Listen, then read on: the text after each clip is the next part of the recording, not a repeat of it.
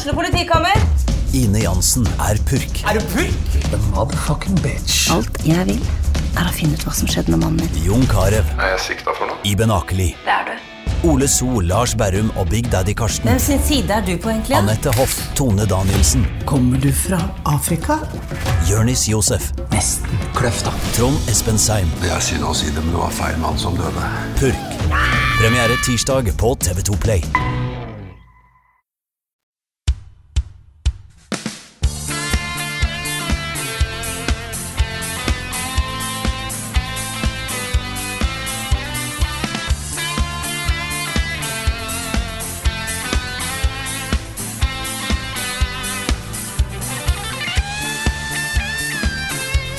Vi starter denne sendinga med en stor nyhet. Vi har nemlig tatt den avgjørelsen at Spilluka nå skal være et 24 timers nyhetssegment eh, som går døgnet rundt, for å være sikker på at vi får med oss alle nyhetene. Istedenfor sånn som det er nå, det er plutselig verdens største spillnyhet blir sluppet rett etter innspilling er ferdig. Det Rett stemmer. etter innspilling. Det stemmer. Det Bokstavelig talt mens jeg satt på trikken. Ja, det blir level up nyhetskanalen, rett og slett. Ja. Ja. Mm, på lineær-TV, da, så du må sitte der hele tida og følge med. Ja, ja. Kun tekst-TV, faktisk. Ja, det er sånn, Ja. det, sånn det er. Mm. Du kan også få nyhetssakene på faks. Tilsendt hvis du vil. Ja, og Det er så sant. så det som er ting er at faksen bare må gå kontinuerlig, så han bare spyr ut papir, og plutselig så Ja. står det noe der. Det stemmer. Så det er et eh, moderne tilbud vi tilbyr til eh, våre litt sånn early adopters der ute. Ja, det er, nå er vi inne på noe, altså. Ja, Mm. absolutt. Nei, denne nyheten kommer selvfølgelig tilbake igjen eh, til veldig, veldig snart. Men dette her er selvfølgelig level backup som eh, Vi har ikke planer om å levere et eh, 24 timers nyhetsmagasin, bare så dere vet det, bare for, i Nei. tilfelle noen trodde det. Eh, jeg er Frida Danmo, og med meg i dag har jeg Karl Martin Hogsnes og Rune Fjell Olsen. Hallo, folkens. Hello. Hei, alle sammen. Og vi har det, vi har det greit dine, for oss torsdagsformiddagen. Ja, det går, det går bra. Jeg, jeg prøver å vri hodet mitt rundt eh, store pengesummer og sånn Ja. i nyhetsbildet. Det er, det er snakk om så høye tall denne uka her at det er vanskelig å liksom forstå det. Mm. Det er litt absurd, ja. Ja, så driver du og byr på leiligheter også. Jeg trodde det var det du skulle si. Ja, det. ja, nei, det. det, det, var ikke, det var ikke det. Nei, det gikk uh, faktisk litt uh, til helvete denne uka her, for å, hvis det er lov å si det. Jeg, eh, hadde, jeg, jeg trodde jeg hadde kjempegode sjanser for å få drømmeleiligheten. Og så ringer megleren og sier at nei, den totalprisen den går opp med sånn 300 000, så da har du ikke nok Ja. lån lenger. Ja. Og da sto ikke i annonsen. Nei, sto ikke i annonsen, så den annonsen var en løgn, basically. Mm.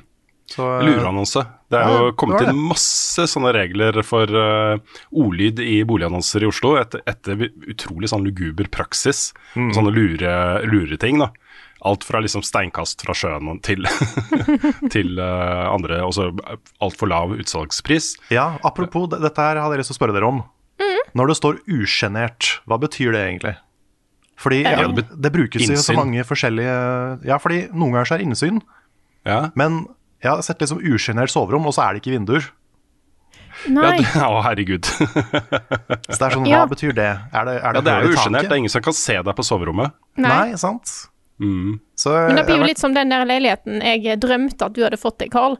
Eh, Ja. Som du var kjempefornøyd med, eh, virka det som. Som ikke hadde vindu, ikke kjøkken, og toalettet var i stua.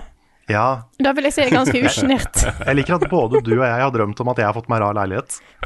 Fordi jeg også har liksom, jeg drømte at jeg fikk en GameStop som leilighet. Ja. med, med spill i hyllene, liksom. All. Og så var det en liten luke med fire kaniner. Som jeg oppdaga Ja. først etter at jeg hadde kjøpt. Da. Så det er uh... Men var det i hvert fall nye spill? Nei, det var PlayStation 2. Ja, OK. Mm. Jeg har brukt uka til å drømme litt uh, tilbake til hvordan det var å jobbe på, på desken på VG-nett. Ja, da. Eh, når det skjer liksom så svære ting som, eh, som dette Activision eh, Blizzard-oppkjøpet. Ja, ikke en faktisk nattedrøm, men en våkendrøm. Eh, da, en våkendrøm i full, full liksom sånn Og det er, vi er, det er litt innenfor rekkevidde, ikke sant? Når det skjer så store ting, og vi nå skal sitte på kontor sammen med Audun og Gamer, muligheten til å liksom bare peise på. Sånn skikkelig trøkk med masse altså, ikke sant? alt mulig rart. Livesending osv. osv. Ja, ja, stopp Eget pressen, studio. rydd forsida. Rydd forsida. Og jeg har jo vært med på en del sånne store nyhetsbegivenheter på da VG-nett-desken. Og dette her, åh Hadde vi vært på plass i de nye kontorene med studio og sånne ting, det hadde vært så gøy å være journalist i en sånn situasjon. Hente inn eksperter og ikke sant, ha podkast hvor vi diskuterer uh, greier og greier, liksom. Åh, så um, neste gang, neste gang, da, da skal vi trøkke til. Så, neste, så um, neste gang Microsoft kjøper Activision Blizzard, da, da, er, da er vi der. Yes, Ikke sant. når de kjøper Nintendo.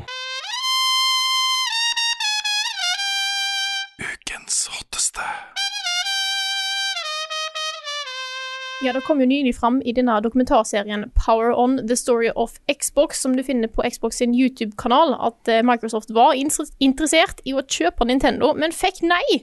Men nå Ja. er jo historien, eh, nyhetssaken, som de fleste sikkert har fått med seg, at Microsoft har kjøpt, eller i hvert fall skal kjøpe, Activision Blizzard. Og da er det alle, altså samtlige spillstudio i Activision Blizzard sin katalog som er involvert. Vi snakker eh, Blizzard Entertainment, Beanox, Demon, Demonware, Digital Legends, High Moon Studios, Infinity Ward, King, de som står bak Candy Crush, så det er big, big greie. Major League Gaming, Radical Entertainment, Raven Software, Sledgehammer Games, Toys for Bob og Treyarch. For hæ? Det er 600 milliarder kroner! Ja, Det er, det, er, det, er, det er nesten ikke til å forstå det Nei, det, tallet, altså. det er sånne Dr. Evil-tall. Det er, det er tullete. Det er tullete hvor mye penger dette Ja. er. Det er litt morsomt. Det, det har blitt tulla ganske mye med det eh, på sosiale medier også. Med liksom eh, eh, Har de klart å telle riktig antall nuller i kontrakten og den type ting, da? Mhm. For det er, ganske, det er ganske absurde tall, dette her. Ja, det er kjipt å ha en typo der, ja. Og liksom en, en null for mye. Eller for lite. Ikke sant? En null er bare én liten null for mye. Ja, For det er så mange av dem. Ja, det er mye penger. Ja. Jeg trodde jo, helt ærlig, at det var 600 millioner. Og tenkte at ok, Ja. det var ikke så veldig høyt, men Ja, det er ikke ok, så høyt. Nei, sant? Men jeg innså at jeg har, ikke, jeg har ikke oversikt over disse store summene, og mye, hvor mye ting faktisk koster. Og jeg tenkte ok, Activision Blizzard, de sliter litt for tida, du har den rettssaken, eh, de står i et ganske dårlig lys, men, men 600 milliarder? Ja, og vi også minne folk, da. eh, bare sånn eh, det, er, det er lett å høre ordet milliarder, men det er 1000 millioner. Ja da. Én milliard. Mhm. Og så er det 600 av de, liksom. Ja, ikke sant? 600 000 millioner. Ja, det, det, er helt, det er helt crazy. Det er um, uh, ja, det, det blir liksom ikke større. Det blir ikke større enn det, liksom. Nei, Men det er det- litt som men- å prøve å få perspektiv på hvor liten du er i universet. Ja.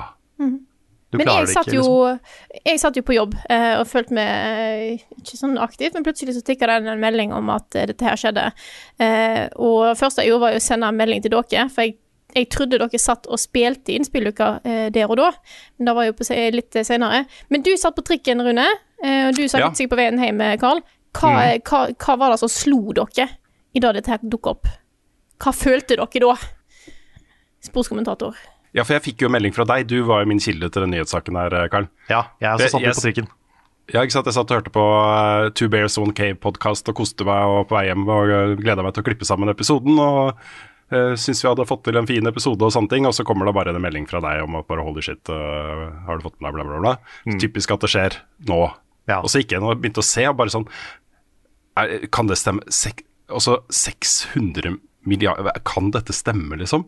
Det var en helt absurd situasjon. Altså. Det er så svært. Det er for stort, liksom.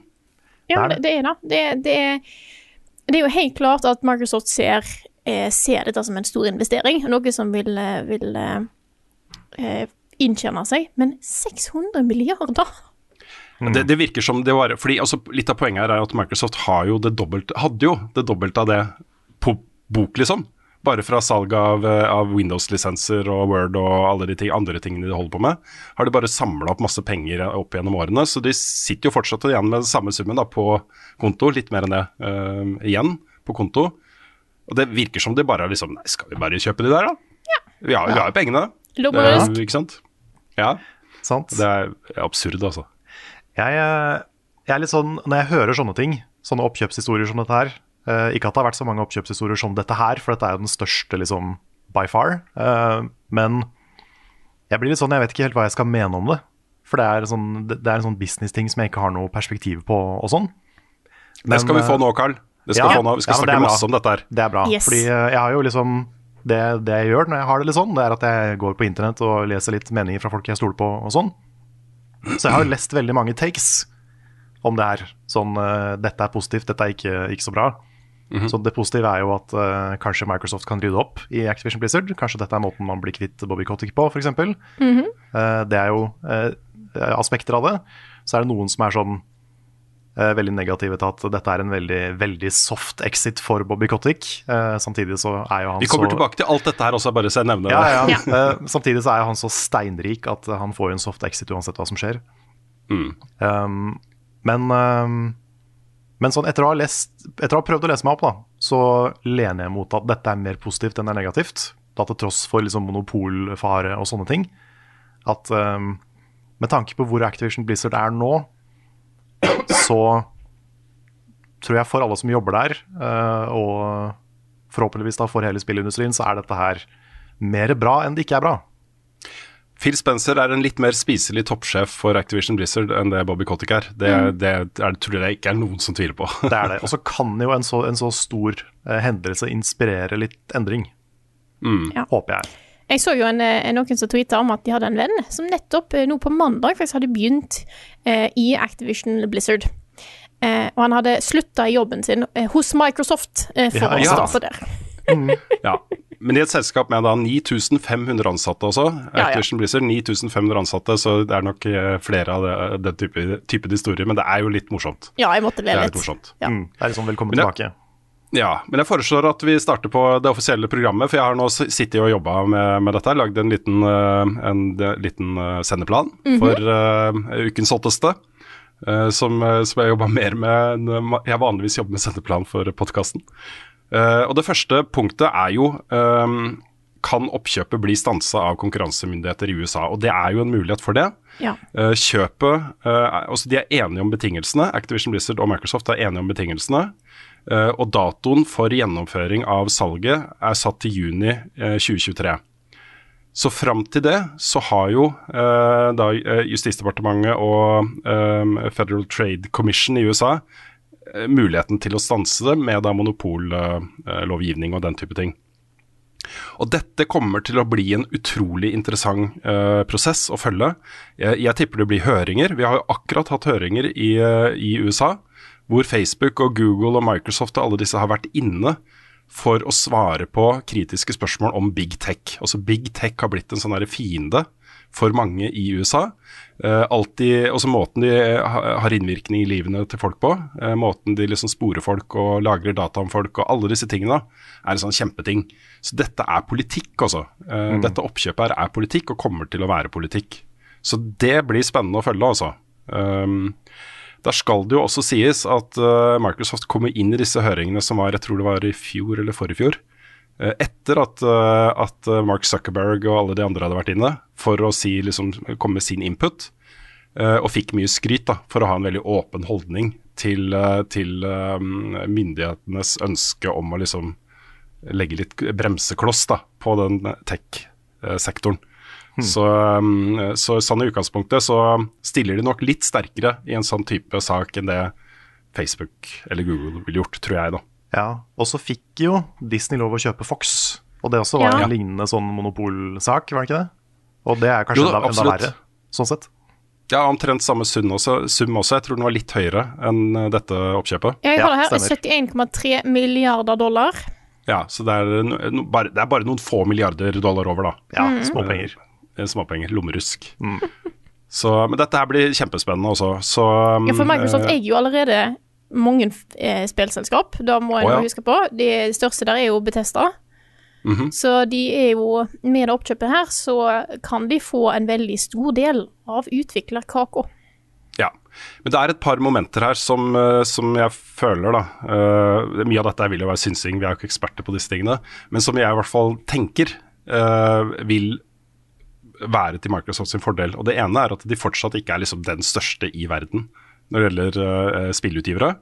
Uh, Sony er fortsatt foran, og Tencent fra Kina, ikke sant. Japan og Kina uh, er foran. Eh, USA liksom trenger en sterk aktør for å bremse opp liksom kulturell flyt fra Asia, ikke sant. Eh, det er et sånt argument da, som jeg tipper kommer til å bli brukt ganske tungt. Høres ut som et veldig amerikansk argument. Ikke sant? Blir bedre enn Så- Kina, så det, det er derfor Ja. Mm. Mm. Men dette er jo en, en, en klar trend, da. Også den konsolideringen av, av penger og øhm, øh, makt i spillbransjen og andre øh, bransjer er, er, på en måte en sånn bølge som skyller inn over oss og har gjort det i mange, mange år. da. Um, og jeg, jeg, tror ikke vi er siste, siste kjøpet uh, i dette her, men det kommer vi litt tilbake til. da. Og så er jo det store, store, store spørsmålet, også det største spørsmålet er jo hvorfor Ja. Microsoft kjøper Activision Blizzard. Og for så vidt også alle disse andre selskapene de har kjøpt. Dette er jo en, en um, åpenbar strategi, altså altoppslukende strategisatsing fra Microsoft. De har sett seg inn i fremtiden 10-20-30 år. Funnet ut hvor går bransjen, liksom. Uh, og hvor er det viktig å ha uh, uh, satsinger? Altså hva skal vi satse på? Hvordan skal vi ha liksom innpass i livene til folk om 10 år, om 15 år, om 20 år, om 30 år? Og, og hva må vi gjøre? og dette er jo åpenbart en konsekvens av den prosessen, tenker jeg da. og mest sentralt der er nok GamePass. abonnementsløsning for spill. Uh, det er i dag 25 millioner abonnenter på GamePass, som er et ganske høyt tall, men det tallet kan bli mange mange hundre millioner mennesker, kanskje til og med milliarder av mennesker i framtiden. Hvis, hvis, det blir bra nok, hvis bredbånd uh, blir bra nok, og du kan øh, klistre på Xcloud og streaming og, og, den type ting, så er Og så tenk deg, du, du skrur på TV-en i dag. Hva har skjedd? Det er jo at hos mange så er liksom alle lineær-TV-ene Det er ikke en del av hverdagen deres i det hele tatt. Det er liksom Netflix, HBO, um, uh, Apple TV pluss, også disse forskjellige streaming-appene som du bare klikker på ikonet til, laster ned appen til, og så har du full tilgang til hele biblioteket deres. Det er den fremtiden Microsoft ser for seg. Uh, kombinert da med den der litt, litt sånn orwellianske uh, greia om at ok, hvis du allerede er på PC og har GamePass, så kan du også bruke GamePass på mobilen din eller på TV-en din eller på logge deg på hvilken som helst maskin hvor som helst i verden og ha tilgang til de samme tingene. Også den der å være med folk gjennom hele dagen er også en, et, et, viktig element i akkurat det. da. Så uh, har jo også um, uh, Dere får bare smette inn med innspill. Jeg har masse notater, så jeg Ja. bare følger. Jeg er veldig spent på å se hva de gjør med f.eks. World of Warcraft, om det havner inn i GamePass. For. Mm. Ja, og også om det kommer en konsollversjon. Fordi Ja. det fins jo en konsollversjon av Final Fantasy 14, eh, for eksempel, Mhm. og den er jo De har jo på en måte løst det, eh, hvordan man spiller et MMO på konsoll. Så Mm. kan det da være, i og med at det- er på PlayStation, kanskje World of Warcraft blir et Xbox-konsollspill. Ja. Det er fordi eh, tanken her er jo selvfølgelig å bare fylle GamePass med innhold. På samme måte som Netflix og de andre eh, strømmetjenestene går ut og bruker masse penger på å lage egne filmer og egne TV-serier som de funder for sin plattform. Eh, det er det Microsoft gjør nå. Da får du liksom hele både nye spill fra alle disse uh, studioene i Activision Blizzard, men også hele biblioteket deres. Tidligere spill. Alt de har lagd før. Eh, denne plattformen her, med alle de studiene som nå Microsoft har, har er, er så rik. Da. Altså, den er tilsvarende det Netflix og HBO har. Um, eh, og så vil da noe ikke være tilgjengelig der, men det har så mye at det å bli abonnent på den tjenesten er en nesten, begynner å bli nesten sånn selvfølge for folk. Så lenge det er eh, lett tilgjengelig og eh, brukervennlig og ikke for dyrt, så kommer folk til å velge å gjøre det. Det er liksom blir mer og mer åpenbart. Da. Jeg er veldig spent på sånn som Call of Duty og de store seriene til Activision, om det blir eh, Xbox-serier alle sammen. Altså Xbox og PC, da. Fordi du har jo liksom Starfield og mange av disse Bethesda-spillene har jo eh, Det kommer jo til å bli det. Mm. Men du har jo samtidig, da Microsoft eh, kjøpte Minecraft eh, Det er jo fortsatt tilgjengelig på PlayStation og Switch. Ja. Så eh, det fins jo eksempler på begge deler. Nå er jo Minecraft et spill som er ute, og var ute, og ikke et nytt Mm. spill som er kommet. Så jeg vet ikke om det har noe å si, eller om det bare Om de vurderer det på litt eh, franchise-basis, da. Ja, De har jo sagt i prosessen av Microsoft at eh, det ikke er deres intensjon å eh, rive eh, communities opp med roten for å flytte de over til en annen plattform. Mm. Og da, da tenker jeg sånne ting som Overwatch, eh, World of Warcraft, Diablo eh, osv. Men f.eks. Diablo 4, som ikke er ute ennå, eh, kanskje, ikke sant, eller Overwatch 3 når det kommer. Eller eh, det nye MMO-spillet til eh, Blizzard, hvis de noen gang lager et, Og osv. Så, videre. så eksisterende communities, og det vil jeg nok også tro gjelder i hvert fall Warzone, Call of Duty Warzone, tror jeg nok fortsatt blir værende på andre plattformer. Men sånn som Vanguard, f.eks., Call of Duty Vanguard, hvis det hadde kommet ut under Microsoft sin uh, uh, uh, eierskap, kanskje ikke. Nei, Men du har jo, du har jo eh, Sony har jo nå eh, tydeligvis i dag eh, gått ut og sagt at Jeg sier det på engelsk, slipper jeg å oversette på direkten. We expect that Microsoft will abide by contractual agreements and continue to ensure Activision games are multi-platform. Jo jo, men uh, de er jo Sony er jo pissnervøse nå. Det Ja, kommer vi også litt tilbake til. Men, det, men dette er jo, dette er jo et, et utrolig uh, slag i baugen for Sony. Aksje, aksjeverdien deres gikk ned med 20 milliarder dollar etter den nyheten her. Uh, og mm, eh, alle øyne er på de nå. Hva, De må gjøre noe ikke sant, for å svare på dette. Det, det kommer vi da som sagt litt tilbake til. Men det, dette er liksom ordentlig, ordentlig trøbbel for Sony, altså. Uh, jeg vet massevis av folk nå som for første gang i sitt liv vurderer uh, sterkt da, å bli en Xbox-kunde. Enten da via GamePass på PC, eller ved å kjøpe seg en Xbox-konsoll. Og det er um, uh, urovekkende for Sony. Uten tvil, altså. Uten tvil. Men I mye jeg, større grad kanskje enn Nintendo også. ja, jeg er også veldig spent på hva Sony ting. gjør nå. Ja. Uh, og fordi det, det går rykter om at Sony jobber med en uh, GamePass-konkurrent. Mhm. Men da er jo spørsmålet klarer de å lage en tjeneste som nærmer seg det kvalitetsnivået. Har de råd til det? Fordi det, Ja. det er jo utrolig vanskelig å se for seg hvordan GamePass går opp som et regnestykke. Ja, det er uten tvil. Det er, det er et, eh, også et veldig interessant spørsmål. Men når man ser liksom hvordan det har gått med Spotify og Netflix og HBO og Prime og alle disse her, det, det sakker jo ikke farten, liksom. Dette er jo en satsing som bare eh, er der hele tiden, eh, og er langsiktig. Så mm, eh, ja, Vi kan snakke mer om det også seinere. Vi har fått noen gode spørsmål om det osv. Men, men dette er veldig interessant, altså. Mm. Vi er fortsatt Jeg, jeg, sorry. Jeg, jeg, jeg ser også at veldig mye av det Microsoft har kjøpt opp, er jo eh, amerikanske og europeiske selskaper. Men Sony har veldig mange av de japanske. Ja. Så det kommer til å bli en enda større forskjell framover, sannsynligvis. At eh, Sony har avtalene med alle disse japanske utviklerne. Ja, Det kan hende at vi ender opp med å få en ganske tydelig sånn eh, profil da, på de forskjellige plattformene som kanskje skiller seg ganske mye ut fra hverandre. Eh, nå har jo Sony noen av de største seriene deres er jo amerikanske, med Spiderman og eh, The Last of Us og eh, alle disse. Uh, men det har fortsatt en ganske klar uh, sånn Japan-profil. Så, og potensialet til å bli enda mer Japan-fokusert. Mm. Men uh, for å ta litt videre liksom hvor, hvorfor oppkjøpet skjedde, så, så en av de tingene som, eh, som det ble snakka om uh, rundt disse offisielle liksom, uttalelsene, var jo Metaverse. Ble lagt inn som en sånn buzzword i disse uttalelsene. Jeg føler at det er litt fordi de føler de må. Og så her sitter det på en måte eh, aksjonærer og businessfolk og følger med, og uh, de er opptatt av Metaverse fordi alle snakker om det uh, osv. Uh, men det ligger jo noen muligheter her, da. Når uh, man eier et så stort nettverk av forskjellige spill til å lage tjenester og løsninger som spenner liksom på tvers av de, og som eh, eh, gir et inntektspotensial da, utover eh, abonnementsinntektene fra GamePass. Tenker du NFT? Um, usikker også. Ja. Phil Spencer har jo vært kritisk til, til NFT. Uh, men men, men jeg, jeg, jeg tror ikke Microsoft kommer til å bli en pådriver for innføringa av NFT-er og krypto i spill.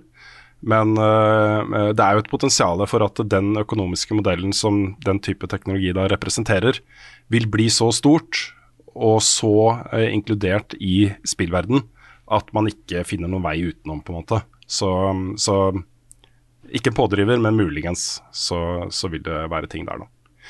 Og så er det også interessant at uh, en av de største aktørene i Activision Blizzard-paraplyen er jo King. Eh, med da Candy Crush, eh, Call of Duty Mobile ikke minst, men også en hel haug med andre sånne koselige uh, tidrøytespill som Pet Rescue og osv. Dette er jo en type teknologi da, og, og spillsatsing som, som Microsoft ikke har så mye av fra før. Uh, også mobilplattformen. Det å gjøre det til, til butikk. Uh, og det, det, er nok ganske interessant, altså. Jeg er, er sikker på at den kompetansen som King sitter på, ikke bare gjelder spillene deres, men også på en måte en forståelse av mobilplattformen og hvordan den kan brukes da, til spill. Og så tror jeg det er en viktig grunn rundt oppkjøpet at de kan. De kunne gjøre det. Uh, Activision Blizzard var uh, uh, modent for salg, um, og de hadde pengene. Det er vel det er sikkert liksom... at Activision kan jo ha sett at oi, ting går ikke så bra med oss. Kanskje dette er et bra tidspunkt å få litt penger på? Ja, ikke sant. Mm. Altså Veldig morsomt at Bobby Cottick har gått ut og sagt at nei, du vet at Overwatch blir utsatt og sånn, så det går, går litt nedover. det, det, har vært, det, har ikke skjedd noe annet. Ja, det har vært veldig uh, Nesten på grensen til litt sånn ubehagelig, men også litt morsomt å følge uh, uh, Bobby Cotticks uttalelser. Han gikk jo ut og gjorde et intervju med en litt sånn random spillkilde. Jeg husker ikke var Game, GamePer eller jeg husker ikke, det var en, en, av, de, en av de der. med en del uttalelser som er litt sånn åpenbart mynta på å, et, Som et forsøk da, på å pynte på ettermælet hans uh, føler jeg. Uh, uh, med motiver og sånt som åpenbart virker litt sånn konstruerte, da. For, det er, for dette her. Det er veldig gjennomskuelig. Mm -hmm. ja. Og så har det kommet fram at han vurderte å kjøpe Kotaku og sånn. Ja. Kotaku og PC Gamer for mm -hmm. å mhm. change the narrative ja. om Activision Blizzard. det er sånn, Du blir ikke så mye mer slimy enn det. altså.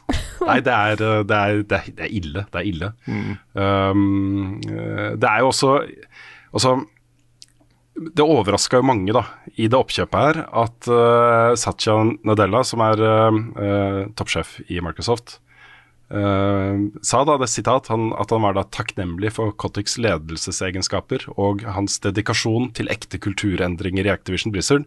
Og Det, er, det virker så tonedøvt, mm. men jeg er helt sikker på at dette har vært en betingelse også for salget. Ja, ja, dette er PR-spik. Det er PR-spik så det holder. Mm -hmm. Det er også blitt sagt at Kotic fortsetter etter oppkjøpet. Uh, blir gjennomført i juni, men det er det ingen som tror på, altså. Uh, kanskje, kanskje, noen frykter det, men, men uh, Wall Street Journal, Bloomberg, sier jo at nei, nei, Kotic er ute. Det er liksom en done deal, og det, det tror jeg på, altså. Er, ja. Jeg kan ikke se for meg Kotic i lederstolen for dette her etter juni 2023. Det går ikke an å se for seg det. 2023, ja. Det er ikke i år. Det er ett og et halvt år til. Det er ett og et halvt år til ja. kjøpet gjennomføres. Så, så, han er ute, men det er jo ikke synd på han akkurat, da, fordi han har jo da aksjer i dette selskapet her som tilsvarer over 400 millioner dollar. Og så hvis han selger de aksjene, som han da må gjøre i dette oppkjøpet, 400 millioner dollar Han har en fallskjerm som tilsier at dersom han blir fjerna pga. nye eh, eiere av selskapet, 292 millioner dollar. Vi snakker om altså hvis han blir fjerna fra stillingen sin i juni 2023, 6 milliarder kroner også. Det er 1 ja. av hele saksummen. Rett til han. Ja, det er altså, helt crazy, altså. Det er, eh, det er trist, men det fins ikke noen uh, versjon av det her som ikke Bobby Cottick ender opp med å kunne kjøpe en bil om dagen, liksom. Nei, men det er uh, Ja, han har jo nå gravd seg inn i en, en, sånn posisjon i selskapet som, som ender der, da. Fra liksom han kom inn i selskapet på 90-tallet og uh, gjennom alle disse årene. Um, det er dessverre det som skal til også, altså, for å fjerne han. Og jeg mener jo, uh, ut fra de historiene jeg har lest om selskapet og sånt, at mye av ansvaret, mesteparten av ansvaret for ukulturen i Activision Blizzard må man plassere hos han også. Ja. Og det at han har tillatt at dette kan bare skure og gå. Han har ja. visst om det, ikke, ikke gjort noe med det. Ja, ikke bare det, han har jo bidratt til det. Han har jo drapt en ansatte og alt mulig. Mm. Ja. Så um, det er ikke akkurat synd på, men det Hva sa du? Jeg er skikkelig scumbag. Ja, ja det, føl, det føles, føles, litt sånn derre Seks milliarder, men han har jo allerede mye penger, da, så det er liksom Bare bli kvitt han. Det er greit. Mm. Det er greit, bare bli kvitt han. Det er ikke mine penger du bruker, så, så det får bare gå. Um, en ting som er litt uh, interessant også i oppkjøpet, er jo uh, uh, måten Satya Nadella da snakker om hvordan Microsoft skal fremstå som spillutgiver og spillaktør i årene framover. Jeg har et sitat der som jeg tar på engelsk, uh, hvor han sier da Uh, today we face strong global competition from companies that generate more revenue from game distribution than we do from our share of game sales and subscriptions. We need more innovation and investment in content creation and fewer constraints on distribution. Også de, uh, vi er tilbake til den herre content is king, uh, og dette speiles direkte på GamePass og den verdien som skal ligge i den plattformen i form av innhold. Um, og Det er et signal da, om uh, hvordan Microsoft skal bruke denne posisjonen i årene framover. Mm. Derfor kan vi jo begynne å si at dette kan være gode nyheter for folk. Uh, på Netflix det, var, det, er ikke noe god grunn egentlig til at Netflix skulle satse på Squid Game, f.eks. Eller ukjente ting fra andre deler av verden. Uh, denne tyske serien så, Dark. Ja. Hvor, som plutselig har en plattform for et globalt publikum som er noe av det beste som er laget på TV. Mm. Dette er value for en streamingplattform. Uh, mindre indie-ting, smalere ting som treffer smalere, men som kanskje har et bred appell allikevel. Mm. Og det vet Microsoft. Ja, det, eh. det, håper jeg er konsekvensen av at alt kommer på GamePass. Fordi mm. tatt, Det finnes jo eksempler på at GamePass har vært vanskelig for indie-utviklere også. At de har fått en for liten del av kaka og, og sånn. Ja. Men jeg håper det blir sånn at når du ikke må betale full pris for alle spill, uh, når du har en meny på den måten her, hvor du bare kan gå inn og teste spill. Mm -hmm. At det mhm. da blir lettere å få gjennom de små tinga. At ikke alt må være en svær mega-sequel med milli, million på million-budsjett, liksom. Mm -hmm. Så det jo, hvis det er konsekvensen, så er det veldig bra. Ja, det er jo litt sånn man Også Altså spillutgiving. Hvis du har uh, mange, da, hvis du er en stor aktør, så er det litt som å skyte med hagle. Noe av det vil treffe blink, noe av det vil gå utenfor. Men hvis det først treffer, så treffer det ganske godt. Uh, og måten å sikre suksess på vil i hvert fall noen da mene er å ikke bare konsekvent satse på trygge hester, liksom, men på å satse på dark horses som kommer fra liksom ingen, ingenstedsand og plutselig blir en suksess. Mm. Det er sånn man virkelig tjener de store, store pengene på lang sikt. Uh, og det, det Jeg mener jo da at egentlig både Sony, i hvert fall historisk sett, men også Microsoft, har vist at de tenker på den måten. Ved ja. å da ha liksom indie-satsinger uh, ved siden av de svære blockbuster-satsingene sine. Mm. Ja, de, de, har i hvert fall gjort det. Nå har jo Sony blitt uh, kritisert litt i nyere tid for å bare satse på det aller største. Ja, og, og, det, det, og til og med gått, gått, det, gått, ut med det som et uttalt mål mm. om å bli mer konservative på hva de velger å greenlighte da, for utvikling. Og det er synd. Så, ja, det er selvfølgelig synd. Um, men blir man store nok, så kanskje det snur, da. Så jeg vet ikke. Mm.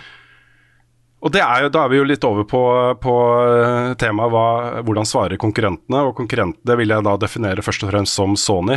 Og jeg er helt sikker på nå at, uh, at det jobbes med å Altså, jeg tror da at det jobbes med å hvor mye penger klarer vi å finne for å kjøpe noen andre for å vokse, vi også. Og Dette er jo litt på en måte kapitalismens og, og businessstrukturen vi har nå. ikke sant?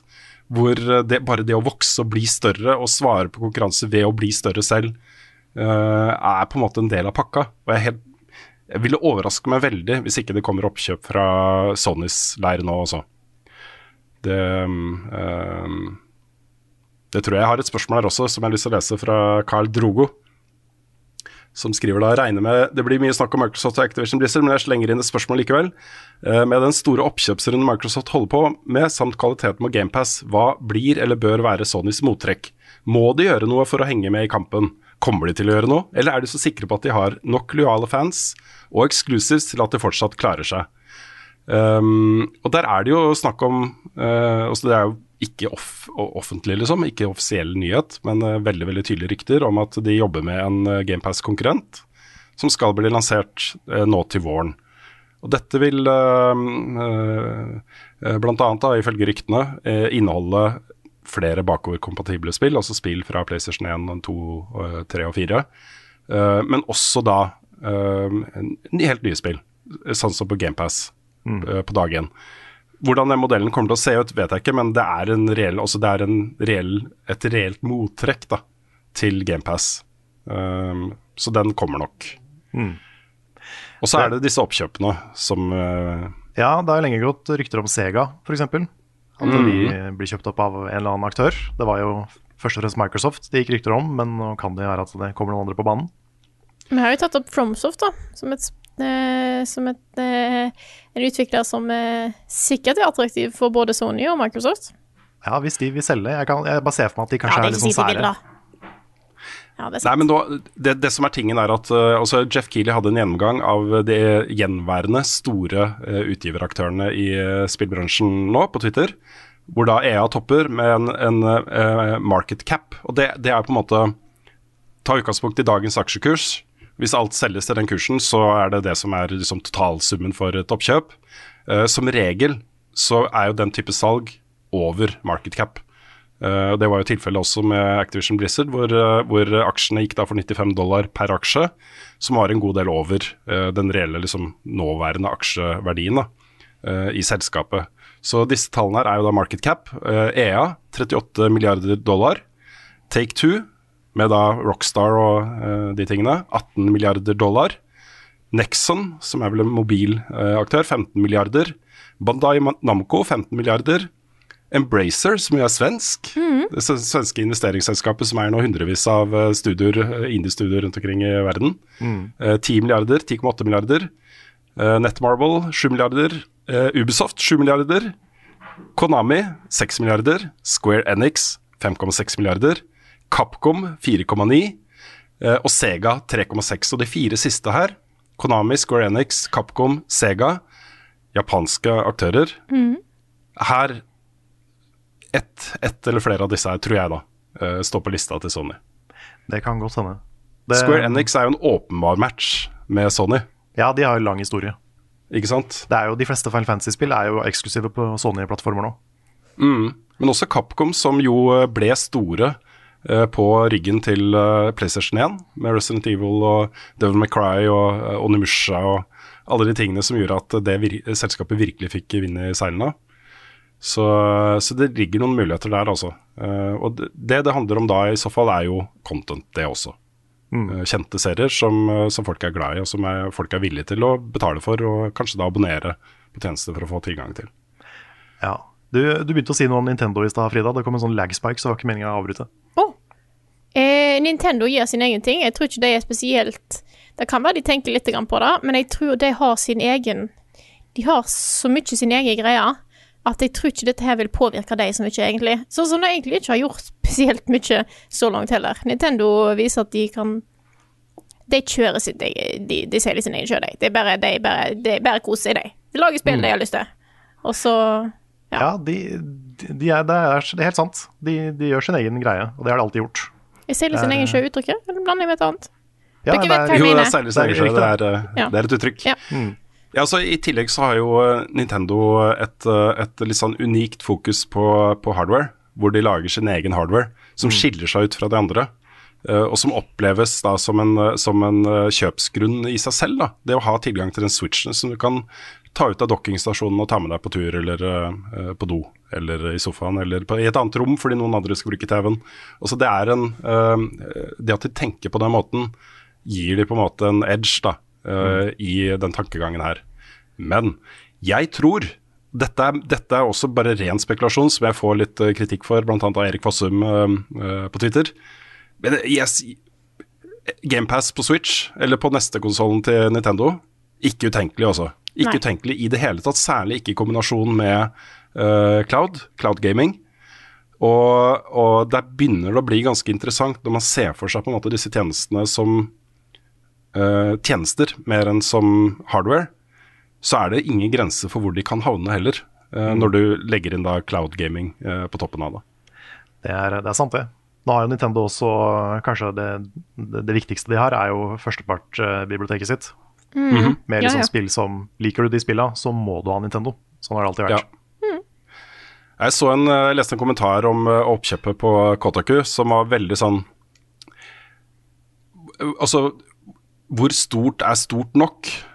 Og så her har du liksom et Microsoft som allerede har Bethesda, og som har Turn 10, og som har liksom alle disse tingene som de nå har, da. Psychonauts og rikt bibliotek av gode spill. Når er nok nok? Og det samme vil liksom gjelde for eh, Nintendo, da, hvis de er komfortable med å være i den posisjonen de er i i dag. Og kanskje med liksom en, en projection om at, eh, at inntektene vil dale litt fordi folk vel, velger andre plattformer. Så, så kan de fortsette så lenge de vil, tror jeg, da. Men hvis, hvis på en måte forventningene fra de som eier aksjer i selskapet og sånt blir Nei, vi må vokse, koste hva det koste vil, på en måte. Vi, må bli større. Det, dette skal beefes opp. Eh, jeg vil ha return på investeringen min. Så, så er saken en litt annen. Men jeg, men jeg opplever i hvert fall det, det som om Nintendo er komfortable med å være de, den de er. Eh, og s- s- lukker døren for Microsoft, har gjort det før. ikke sant? Det er ikke snakk om at vi skal selge til Microsoft. Uh, det uh, Man trenger ikke, da. Man trenger ikke å ha en aksjeverdi som tilsvarer at selskapet har vært liksom en milliard milliard kroner for, at, eh, for at det skal være en suksess, ikke sant? Sant. Jeg så en video av eh, Kyle Bossman for mange år siden, hvor han eh, beskrev liksom konsollkrigen som at Sony og Microsoft er to løver som slåss, mens Nintendo er en sånn elefant som går på sida og bare koser seg. Ja. Bare ja ja, kanskje, kanskje prøve det. Ja, da er vi på en måte litt over også på, på et ganske sånn sentralt tema her, som handler om hva dette oppkjøpet betyr for mangfold i spillmediet. Og det er et ganske viktig spørsmål, og et spørsmål med massevis av usikkerhetsmomenter. Det er vanskelig å for, å spå da, framtiden på akkurat det der. Uh, men ehm, jeg tror da for det første at ikke vi har sett det siste oppkjøpet her. Det kommer til å bli færre og større utgivere. Ehm, det kommer til å bli eh, oppsamling av Som vi har sett med Embracer, som vi har sett nå med Microsoft og de oppkjøpene. Det samles under en større paraply, og liksom totalt sett så blir de sterkere, liksom. Um, og konsekvensen av det tror jeg er at vi uh, går mot en framtid som ligner den vi ser på TV. Uh, med abonnementsløsninger på flere plattformer som har hvert sitt bibliotek av spill, akkurat som det er på TV-streaming. Det tror jeg er framtiden for, eh, for spill, altså. Uh, hvor man må da uh, velge én eller flere for å kunne spille det man har, har lyst til å spille. Uh, samtidig, og dette syns jeg er litt interessant, og jeg håper disse aktørene her kommer til å stå imot når folk begynner å åpne lommebøkene, for det kommer de til å gjøre. Men du har sånne aktører som Annapurna, uh, Raw Fury, Devolver Digital, som er ikke bare utgivere, men også kuratorer av uh, kvalitets-indie-opplevelser. Hvor de reiser rundt i verden og møter teams og får pitcher og presentasjoner av spill. Og så velger du ut det de mener har liksom høy kunstnerisk verdi, men også kommersiell verdi, selvfølgelig. Men hvor kunstnerisk verdi i hvert fall har et viktig element da, i hva de velger å gi ut. Det er bare å se på, på hva de velger å gi ut, så, så ser man jo det. Også dette er ikke spill som skriker megasuksess. Noen av de har blitt det, men de fleste er liksom, blir hylla av kritikere og spillere og selger liksom 1-2 millioner eksemplarer maks. Og de er fornøyde med det, liksom. Det er uh, um, på en måte indie-siden av spillet har blitt veldig bra nå, altså. Disse aktørene er utrolig flinke til å være kurator for gode indie-spillopplevelser. Så får vi se da hva som skjer når Microsoft eller Sony eller noen av de andre eh, banker på døren og, og spør liksom Hei, har dere lyst til å bli søkkrike, dere som har grunnlagt dette selskapet og sitter med aksjer? Eh, Eller er dere fornøyd med å være liksom kuratorer av små indie-spill? Det, det vet jeg ikke. De kan gjerne spørre på den måten. Sånn, vil Ja. dere bli Ikke sant? søkkrike? Eller er dere fornøyd? ja.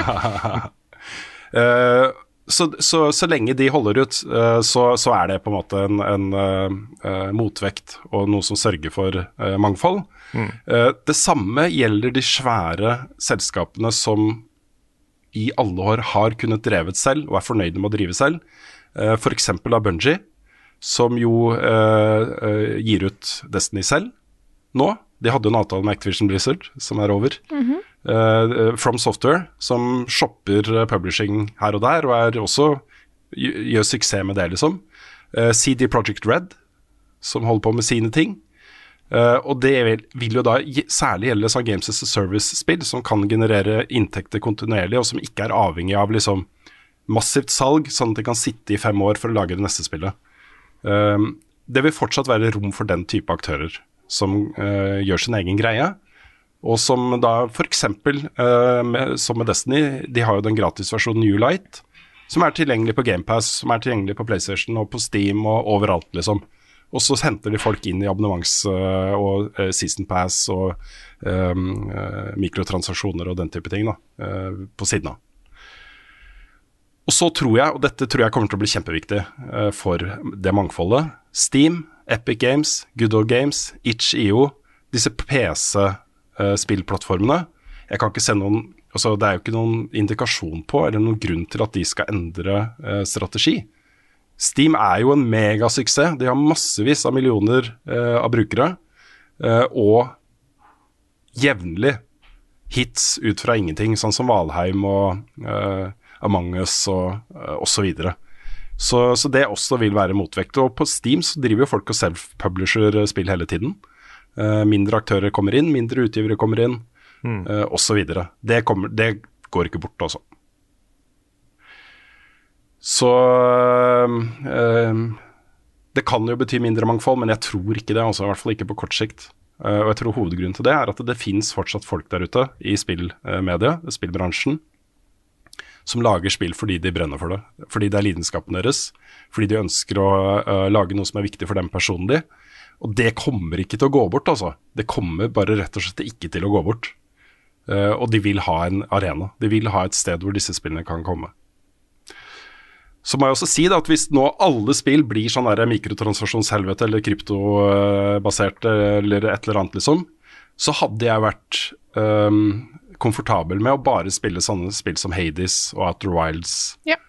Og sånt, og velge å gjøre det. ikke sant? Og velge, Ta det som et bevisst forbrukervalg, Mm. uh, og gå for de. Det er, de er gode nok. Absolutt. absolutt. Gode nok. Det er en fin ting å Ja, men det er det jeg mener. Ja. Og så, ok, så mister jeg kanskje neste Halo eller neste et eller annet, liksom. Mm. Um, fordi jeg er etisk uh, syns det er etisk uforsvarlig å støtte den type Ikke sant? Ja, det er det er bare- veldig søkt problemstilling, altså. Ja, ja, men det uh, var bare så du sa gode nok, eh, som er rart for meg, for det er jo indiespill som som regel er på topplista hos meg. Eh, Jo, jo, jo. Så, så derfor jeg bare, jeg måtte bare liksom Jeg syns det var interessant eh, ordlegging. Men jeg jeg skjønte hva jo du mente. Jeg jeg har, har et indiespill på toppen av 2021 og indiespill ja. høyt oppe. Så med gode nok så mener jeg liksom bare at de er reelle konkurrenter da, Ja, til ja. de der blockbuster-kjempeutgivelsene. Ja, du, du kan ta farvel med det andre og fortsatt ha det bra. Ikke sant? Mm. Så, eh, så ja. Jeg tar noen spørsmål jeg, for å runde litt av, eh, av eh, All right. eh, diskusjonen. Men det er mange spørsmål, så vi er ikke ferdig på langt nær. Hit me. Eh, vi fikk et spørsmål i forrige uke eh, som jeg har tatt vare på, fra Martin Herfjord. Ja. Som passer bra inn her. Eh, og han spør da Gamepass er en latterlig bra tjeneste med hundrevis av gratis spill. Altså det er jo ikke gratis. Gr Gratis i ja, masse her. Inkludert i abonnementsavgiften. Eh, men er det egentlig bærekraftig, og er det ikke skadelig for spillbransjen på lang sikt at Microsoft pøser ut penger uten tilstrekkelig inntjening? Eh, musikkbransjen falt jo flere hakk etter internettrevolusjonen med nedlasting og streaming. Jeg er redd for at tilsvarende skal skje i spillbransjen, nå som flere forlanger at spill skal være gratis. Parentes derav mer mikrotransaksjoner, NFT og lignende. Tanker. Og det er jo et nyttig perspektiv her. Uh, hvor lenge på en måte kan, uh, kan det gå, da? Hvor lenge kan det være bærekraftig? At, eh, at man binder seg til eh, mindre inntekter, eventuelt at Microsoft eller noen av de andre plattformholderne da, eh, legger penger på bordet for å inkludere de som streamingspill. Uh, og det er jo en eh, kurve. Eh, Den kurven er ikke over for Spotify f.eks. Uh, dette handler om å få inn såpass mange mennesker at det genererer såpass mye inntekter at det blir mer bærekraftig. Og i hvert fall på eh, relativt kort sikt, da, så har jo det Netflix eh, har gjort for TV-serier TV-serier har aldri vært så bra som de er nå. Nei, det starta jo for så vidt med HBO, da, men, eh, Ja da, men eh, sånn, argumentet, argumentet er uh, gyldig, uansett hvem man Altså snakker den, om. den type tjenester, mener jeg. Dette handler jo om, om eh, de digitale livene våre, og hvordan vi uh, velger å forbruke innhold, i, i veldig stor grad. Da. Og um, personlig så mener jeg at eh, jeg kan ikke huske at jeg hadde så godt forhold til musikk og podkaster og lydting da, som, som jeg er nå, som betalende abonnent av Spotify. Med den tilgangen som er der. uh, som forbruker er det strålende. Eh, og Det samme gjelder jo streamingtjenestene på TV. Det at man bare kan velge og vrake fra det der sjuke biblioteket av kvalitetsopplevelser på den måten, og se det når jeg vil. Jeg vil jo aldri gå tilbake til lineær-TV. Det, det skjer jo ikke, ikke sant. Eh, og det, Derfor så tenker jeg også at uh, den modellen kommer til å tvinge seg fram på spill også, Uh, fordi den er forbrukermessig, da. Forbrukerne, kundene, opplever det som bedre og vil ikke gå tilbake. De vil ikke gå tilbake til å bruke 700, 800, 900 kroner på et nytt spill, når det spillet allerede er inkludert i abonnementstjenesten. Som du, du setter av de 100 kronene, eller 150 eller hva det er, en gang i måneden. Der blir en del av budsjettet ditt. Du tenker ikke mer over det. Det, bare, det går ut som en fast del av eh, budsjettet ditt. ikke sant? Og det må vel være, så lenge du har mange nok brukere, så går det opp økonomisk òg. Ja, det er, for det er det jeg er mest For det er da jeg ikke helt klarer helt å få, få til å gå opp helt ennå. Nei, det regnestykket som er GamePass, det er liksom et stort spørsmålstegn for meg. Jeg vet, ikke, Mm. jeg vet ikke om de tjener penger på det, jeg vet ikke om de taper masse penger på det. Jeg har ikke peiling. Men det spillbransjen, det musikkbransjen har gjort, det er jo å skifte fokus. Uh, ved å kjøre flere liveshows, ved å satse mer på merch, ved å satse mer på, på måte eksklusive opplevelser for fansen sin, da, som de er villige til å betale, betale for.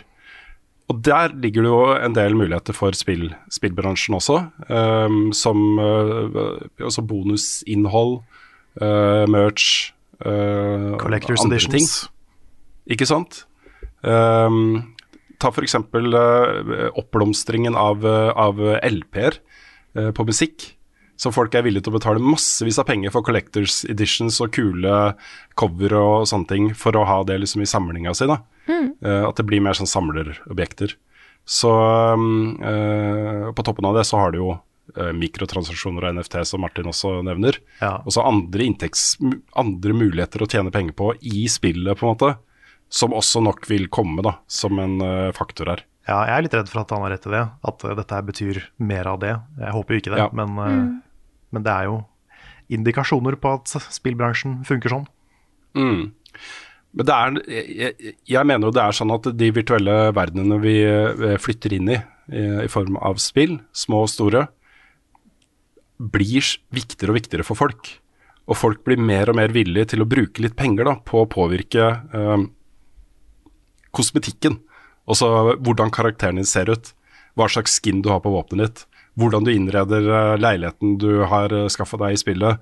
Den type ting da, eh, er- kommer folk til å bli villige til å bruke penger på. Jeg, jeg, jeg ser ikke noen sånn voldsomt store problemer eh, med det, så lenge det eh, gjøres i spillet til en uh, fikst eh, sum, at ikke det blir sånn spekulasjonsting som det kommer inn sånne spekulanter som kjøper opp alt som er, og så selger det videre, og så selger det videre, og så selger det videre, og så blir det en sånn derre pengegalopp Ja. som handler om noe annet enn en, uh, eh, verdi da, for spilleren. Ja, Problemet er at eh, mikrotransaksjoner uh, og da NFT-er i framtida, de, de klarer jo ikke å holde seg etiske på noen som helst måte. Det er jo så mange eksempler på at uh, det har vært eh, ja, eh, appellert til liksom de verste sånne avhengighets-gamblingsimpulsene hos folk. Og det, der stoler jeg ikke på spillbransjen. Altså. Nei, i hvert fall ikke hele spillbransjen, ikke alle aktørene. Så, så vi får se. Nytt spørsmål fra uh, Not Impressed, um, som spør da Tror dere oppkjøpet av Activision Blizzard ville vært, ha vært uh, realistisk om ikke alle skandalene i Activision hadde kommet fram i media? Utnyttet Microsoft en mulighet som dukket opp? Og svaret på det er vel ja. Ja, Ja, helt sikkert. vel det. Det er ikke noe er som jo- jeg tror Activision noen gang vil innrømme. Men Nei, jeg vil tippe at de var mer villige til salg nå enn de hadde vært for, la oss si, eh, et, eh, litt over et halvt år siden. Det er så sprøtt vet å se hvordan Bobby Kotick uh, snakker om akkurat det der. For han sier at uh, uh, ja, Activision Blizzard, da, han og hans leders, lederteam hadde sett på spillbransjen hvor den var på vei, og så hadde vi funnet ut at vi manglet kompetanse innenfor en rekke områder som da Microsoft har, ikke sant, og at dette oppkjøpet da eh, er begrunna i det, fordi eh, vi hadde ikke den kompetansen vi trengte for fremtiden, så derfor så, ikke sant. Ja, så- dette, Så var det jo veldig flaks da at eh, både Overwatch 2 og Diablo ble utsatt. Ikke sant?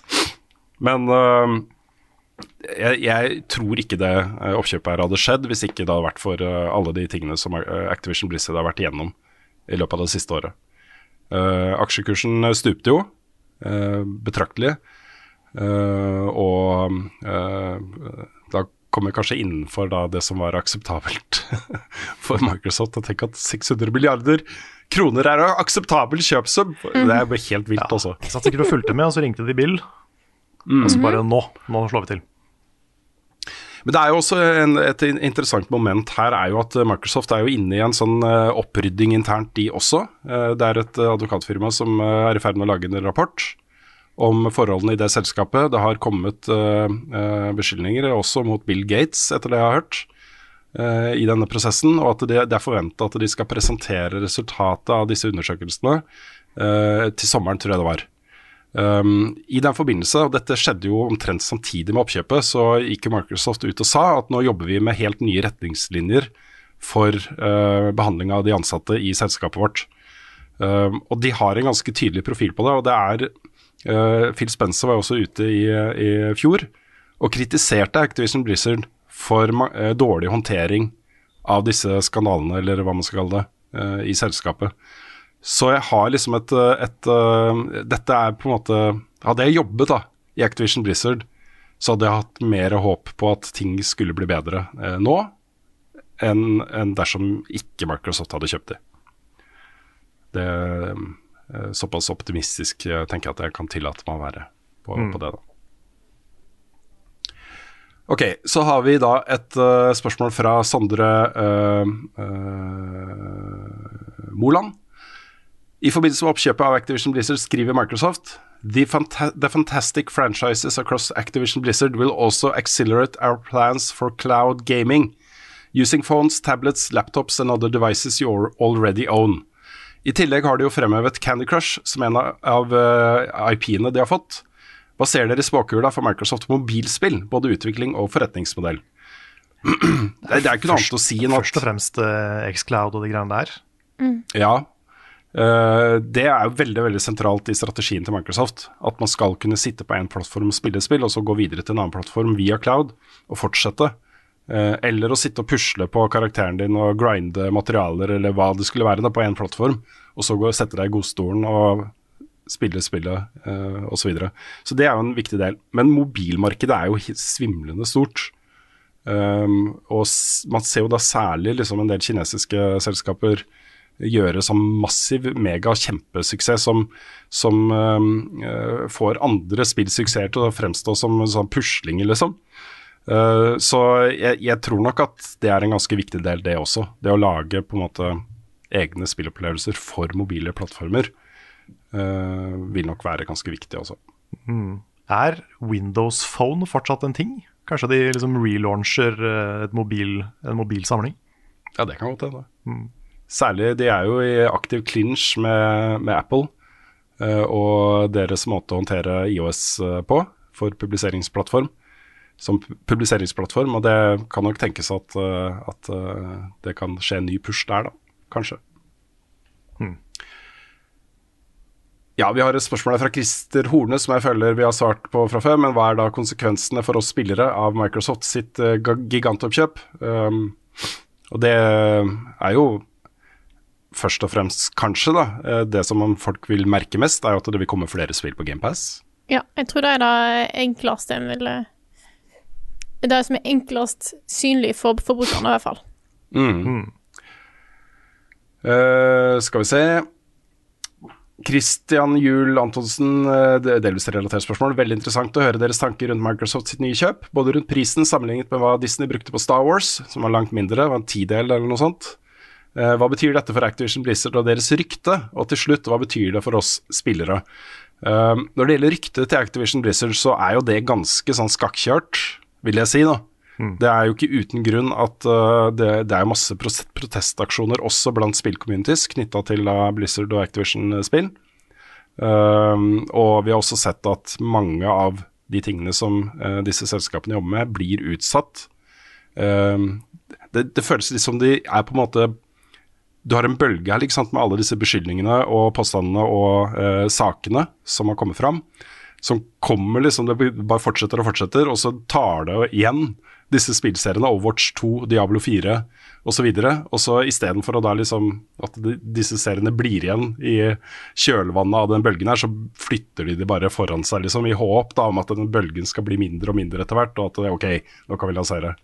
Så Um, så jeg tror, jeg tror, jo at det at Microsoft eier de, og særlig med en så, sånn godklump da, på toppen som Phil Spencer, det har litt å si, altså. At mm. han er uh, en person som folk har tillit til, og som folk respekterer, og som har sunne, gode holdninger uh, om spillmediet som i hvert fall uttalt, da, som han fremstår som. Det kan hende han på bakrommet er en skikkelig drittstøvel, han også. Man vet aldri. Jeg tror ikke det, altså. Nei. Nei han hadde jo en sånn uh, serie med good takes som fikk uh, virket som hele internett til å digge inn for en, for en uh, tid tilbake.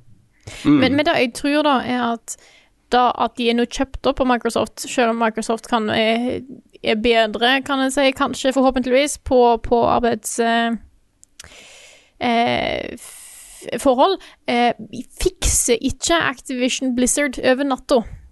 De har, eh, der er de såpass mange ansatte at der er de nødt til å ta et internt oppgjør fortsatt. Og den rettssaken vil nok fortsatt være pågående selv om oppkjøpet går gjennom. Oh, ja. Eh, mm. Activision Blizzard har noe å fikse på for å fikse ryktet sitt, fordi at eh, da blir ikke bare viska vekk med et oppkjøp. Jeg har et lite håp da for disse pågående undersøkelsene og også den eh, rettssaken. Eh, og det er at man finner en smoking gun knytta til Bobby Cottick. Sånn at han kan bli sparka av andre grunner enn nye eiere, og dermed få noen millioner kroner, millioner dollar mindre i sluttpakke. yes. uh, ja, men de har jo da også uh, uh, sparka, eller bedt folk uh, om å slutte. Det var vel 37 Uh, ansatte i Activision Blizzard som, en, som et resultat da, av disse undersøkelsene, pluss at 44 på toppen av det har fått forskjellige former for straff. Så de har jo liksom identifisert nå over 80 personer i Activision Blizzard etter disse rapportene. Og det er vel rundt 700 rapporter ifølge Wall Street Journal som nå det gås gjennom og etterforskes. mange av de da om samme personer, selvfølgelig. Så det gjøres jo ting der. Altså det, det vil jo, denne, denne, ballen ruller jo bare videre. Og jeg håper jo den ikke mister liksom piffen nå, da. Som man ser for seg at ok, bare vi kommer oss til juni, så skal alt bli bra. Uh, men at de fortsetter, og det kommer de nok til å gjøre også. Mm. Og de ansatte er jo fortsatt tydelige på at eh, de uh, ikke har tillit til Bobby Cottick på toppen. Så Sant. De har også gått ut og sagt at de, dette forandrer jo ikke hva de kommer til å fortsette å kjempe for.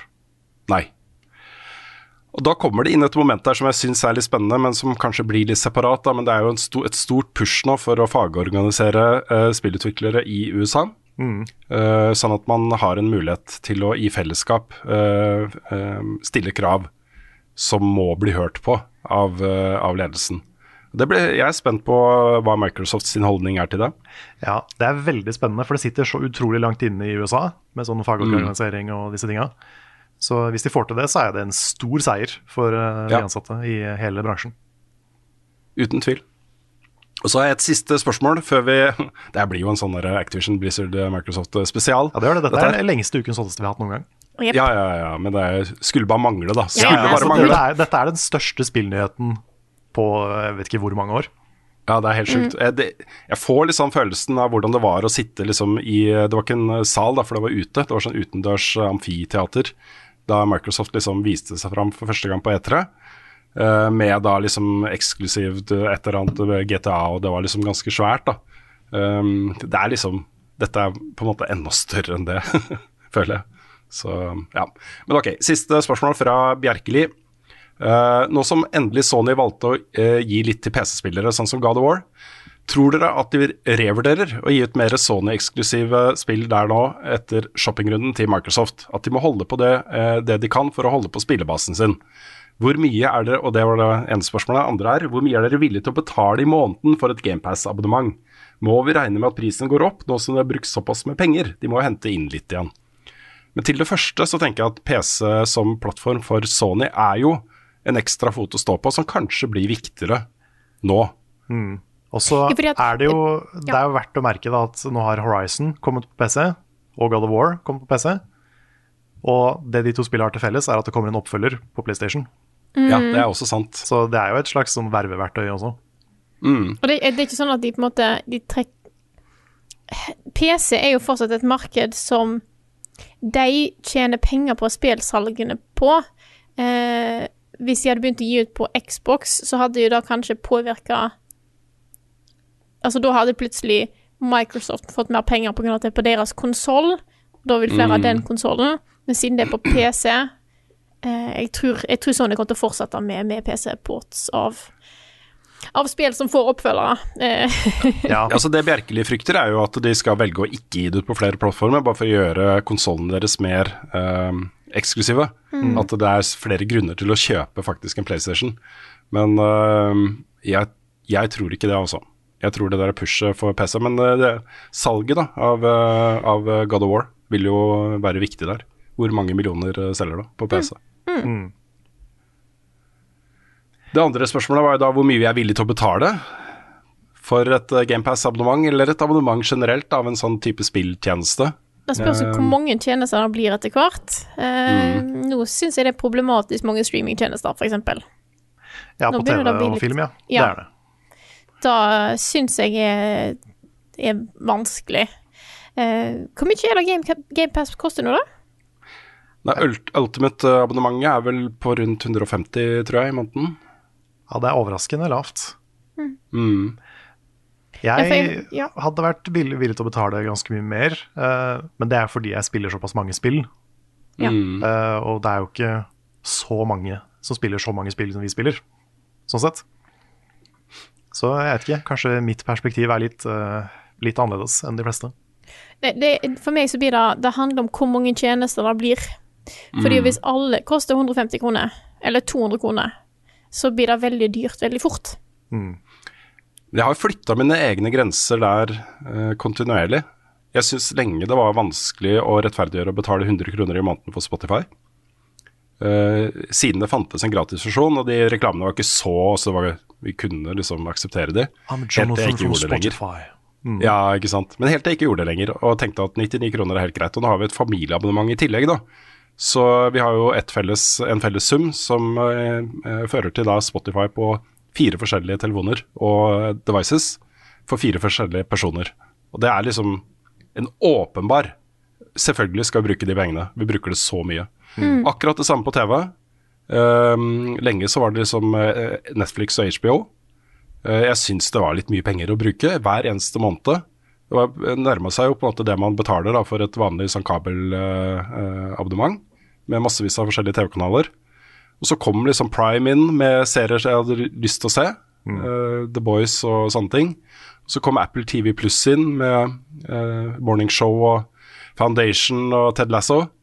Og så må jeg pinadø skaffe meg et Paramount Pluss-abonnement også, for å se Halo-serien og Åh, Hva er den cowboy-serien med Kevin Costner heter igjen? Den uh, har fått så utrolig gode anmeldelser. Ja, og så har du Eh, Disney Pluss, og så har du uh, Disco Disney Plus Discovery. Pluss og Viaplay og Så jeg flytter de grensene hele tiden. Og det er jo fordi jeg føler det gir meg verdi. Altså, det er jo fordi jeg føler at det er ting der jeg har lyst til å se, og som jeg er villig til å betale for. Og da er plutselig ikke 89 kroner eller 69 kroner eller 100 kroner eller hva det er, så mye lenger. Hvis jeg binger eh, to, sesong, to sesonger av Ted Lasso, så føler jeg at he, alt jeg betaler det året for Apple TV Pluss, har betalt seg tilbake. Det er verdt det, liksom. Det har den verdien for meg, da. Ja, ja, ja. Men når det kommer til Sony, da, så uh, tenker jeg også at kvaliteten kommer til å ha veldig veldig mye å si. Fordi jeg abonnerer fortsatt ikke på den der premiumgreia til Nintendo, fordi den suger. Ja. De Ja. Nintendo 64-spillene er jo bare en krise. Så, så hvis de da lanserer et, eh, en kjempetjeneste med bakoverkompatibilitet for PlayStation 1, 2 og 3, som funker og som er bra, og som, eh, som behandler de spillene som de burde behandles, liksom, Ja. det er jeg villig til å betale mye penger for. altså. Hva er mye penger, Carl? Altså, For meg, da, og dette er Jeg er villig til å betale mer enn de fleste, tror jeg. Men jeg kunne betalt liksom prisen av et spill i måneden for det. Ja, så se, se, Alle må på en måte se for seg hvor mye penger de i dag bruker på underholdning. Det er alt fra liksom å kjøpe Blu-ray-filmer til å gå på kino til å eh, abonnere på eh, streamingtjenester osv. jeg tror også den summen kan bli ganske høy for folk, altså. Jeg tror øh, øh, for min egen del jeg kunne fort liksom Det totale budsjettet for den type ting kunne fort vært et par tusen kroner i måneden.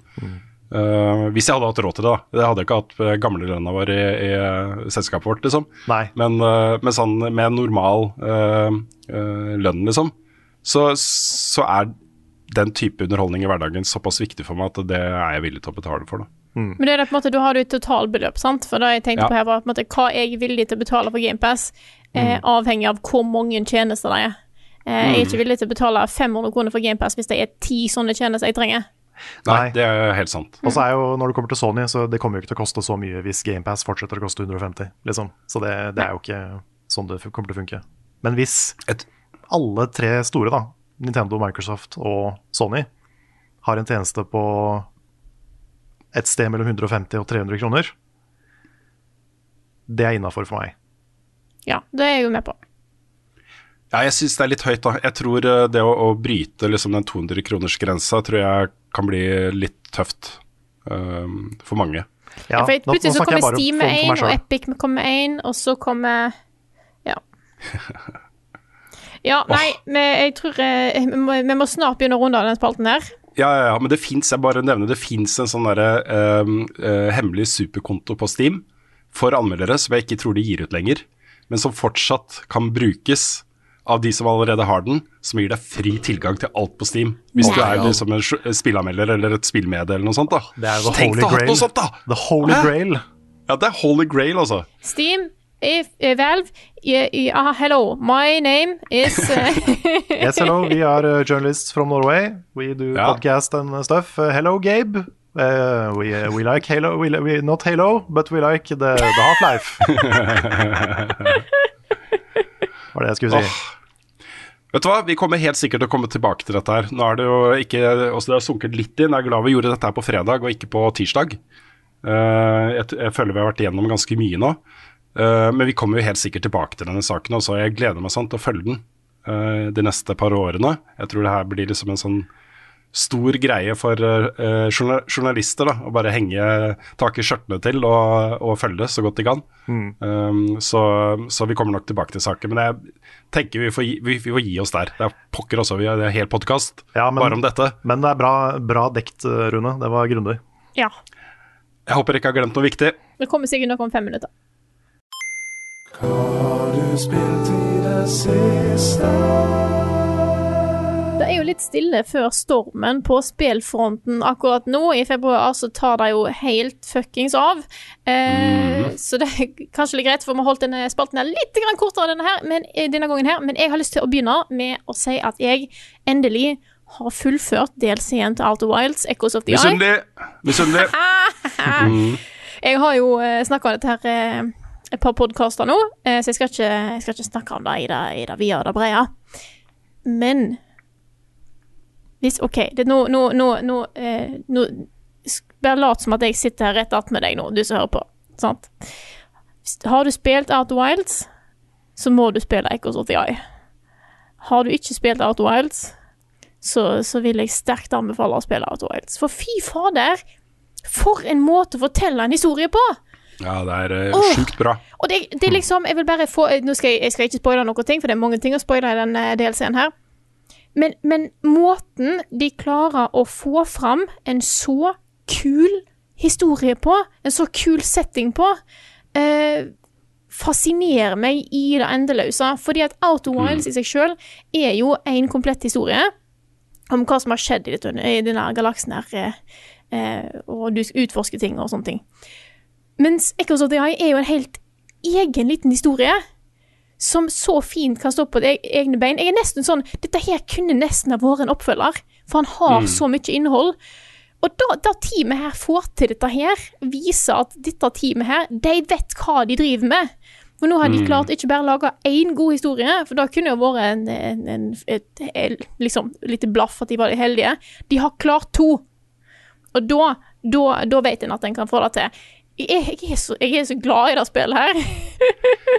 Altså, jeg synes Det Outer Wilds gjør så godt, er at de speiler den der, altså menneskehetens uh, fascinasjon for uh, verdensrommet. Og uh, ting som er der ute, hvor vi kommer fra, og alle disse tingene, og så bruker de på en måte vitenskap fra vår verden, som vi vet om fra før, men på en annen måte. Altså dette er denne, dette folkets, folk, denne rasen her sin eh, bruk av den type vitenskap vi allerede vet fra før, da. Men de har funnet ut på sin egen måte liksom, og bakt det inn i sin verden på en ganske sånn troverdig og kul vitenskapelig måte. Det er så kult, altså. Det er så fascinerende og så uh, sånn brusende. Den følelsen av å komme inn i dette her uh, og utforske dette universet med det som bakgrunn. Det er så kult, altså. Ja, og DLC-en gir akkurat dette her eh, på nytt. Og jeg vil, jeg har jo, vi snakket om det tidligere, at i teorien kan du hoppe inn i del, denne DLC-en helt fra start. Du kan starte på nytt, eh, en ny save og bare hoppe rett inn, den, eh, inn i den. Men jeg vil anbefale å spille originalen først. Ja. For det vil gi deg mer i DLC-en. Så det er mitt tips. Eh, du trenger ikke nødvendigvis ha spilt alt. Eh, men jeg vil anbefale deg å spille inn originalen før du tar DLC-en. Så det var et tips eh, fra meg. Eh, it's it's, uh, it's real, real good. Uh, jeg vil ikke si mer. Jeg og Nick har snakka litt om at kanskje vi skulle hatt en stream av dette, her, for Nick har heller ikke spilt den DLC-en. Så vi får se hva vi ender opp med, med der. Men dette er jo en del av Jeg prøver å ta igjen 2021 uh, fortest mulig. Uh, før toppliste og sånt. ja. Og neste spill på en liste der, der var Unpacking. Da starta jeg med i går, og jeg har jo selvfølgelig hørt deg, Rune, og andre snakker om at dette er et spill der du ved å pakke ut flytteesker får sett livet til en person. Og hvor gripende det kom til å være, da tror jeg ikke helt jeg hadde klart Jeg, jeg klarte ikke helt å skjønne det før jeg satt med det sjøl. Eh, de første eh, husrommene hadde jeg sett allerede på litt Let's Place og sånt, men det er når det kommer litt utover i spillet at jeg plutselig begynner å kjenne igjen en del sånne følelser, en del settinger, hvordan det er å være i de ulike livssituasjonene som en person her går gjennom. Eh, Det fascinerte meg sånn. Mm. Det er en så kul sånn historiefortellermekanikk. Det å liksom bare fortelle hele historien med ting som du pakker opp fra en eske. Det Det er er litt morsomt å følge med på disse store prisutdelingene, Dice Awards og sånne ting nå, hvor Unpacking blir jo nominert til og med i noen tilfeller i kategorien Årets beste spill. Eh, også i kategorier som Best Narrative og den type ting. da. Eh, Og Det er litt morsomt, og jeg, jeg følger jo utvikleren på, på Twitter. Og det er nesten litt sånn av himmelfallen. Skjer dette? Ja. Er, det, er det den lille greia som vi har sittet og liksom trodd ikke skulle gjøre noe splash i det hele tatt? Eh, Skjer det? Blir vi elska på den måten? Helt sånn utrolig gøy, altså. Å se den der ekte, sånne himmelfallende Hva skjer nå, liksom? Ja. Reaksjonene. Men det Jeg husker veldig godt et øyeblikk fra, fra Unpacking. Det jeg, jeg føler ikke det er en spoiler å, nevne det, men det er uh, da når du kommer til den, den delen hvor du flytter inn hos en kjæreste. Jeg skulle akkurat til å ta opp samme plassen. Ja, fordi Ja. du har et sånt uh, college sånt diplom, Eh, og det fins ikke noe sted i hele den leiligheten hvor du får lov å henge det opp. Og det forteller så mye. Mm. Det at du passer liksom ikke helt inn i denne leiligheten som du kommer inn i. Og det er på en måte, det er hans sted, og du får liksom ikke helt lov å være deg sjæl der. Og da Så det er, det er noe kult med det, altså. Ja, akkurat den plassen der òg fascinerte meg litt, så jeg var ikke sikker på om jeg skulle ta det opp eh, sjøl, men nå nå når du har åpna, så tar jeg det opp, jeg òg. Den følelsen av at du skal flytte inn i en allerede etablert plass, Ja. og du skal prøve å finne din plass i dette. Ehm, for jeg tror på de andre rommene så kan du ikke flytte på ting som allerede er der, men da kan du på den. Og da på en måte da at du sjøl må, må, må utforske disse rommene her og lage plass til at du òg kan være en del av det Mm. syns jeg var så kult. Oh. Det er kult, og så er det, så er det vanskelig. Fordi det, det er ikke så mye plass der. nei. Så du føler på en måte at du må uh, du, får, du får ikke uttrykt din egen personlighet på samme måte som du har kunnet tidligere i spillet. Da. Og det er jo narrativ, ikke sant? Det forteller jo noe. Mm. Åh, kult spill. Jeg gleder meg til å fullføre det. Jeg kom ganske langt. Jeg har ingen anelse hvor langt det er, så øh, Men jeg har kommet, til et godt stykke. Så da er Det er 500 timer, Frida. 500 timer, ja. Knall. Ja. Så du må spille det hele dagen i en måned. Ja. Nei, men det var meg. Har du lyst til å fortsette, Carl? Det kan jeg gjøre. Jeg kan være kjapp, fordi eh, jeg venter jo nå på først og fremst på Pokémon Legends Arceus, som kommer snart. Det er nesten et spill jeg skal anmelde og dykke ned i. Jeg kan jeg også bare kjapt nevne at eh, topplista mi for 2021 er ute nå. Så hvis, eh, hvis noen som hører på er nysgjerrig på hva jeg syns er de ti beste spillene fra fjoråret, så check a look. Den er ute på Level Up-kanalen. Veldig, veldig fin video. Takk for det. Eh, men uh, fram til det kommer, så har jeg starta opp på Hollow Night igjen. Jeg tar en ny, playthrough av det, litt fordi jeg merker når vi spiller inn Hollow Nick, at jeg har ikke helt den hukommelsen jeg trodde jeg hadde. Så eh, hvis jeg spiller gjennom en kjapp eh, gang nå, så kan jeg være litt mer sånn guide eh, når det trengs. I den serien. Sånn at eh, hvis, Nice. hvis Nick trenger noe hjelp, så, så er jeg forberedt. Det er nok lurt.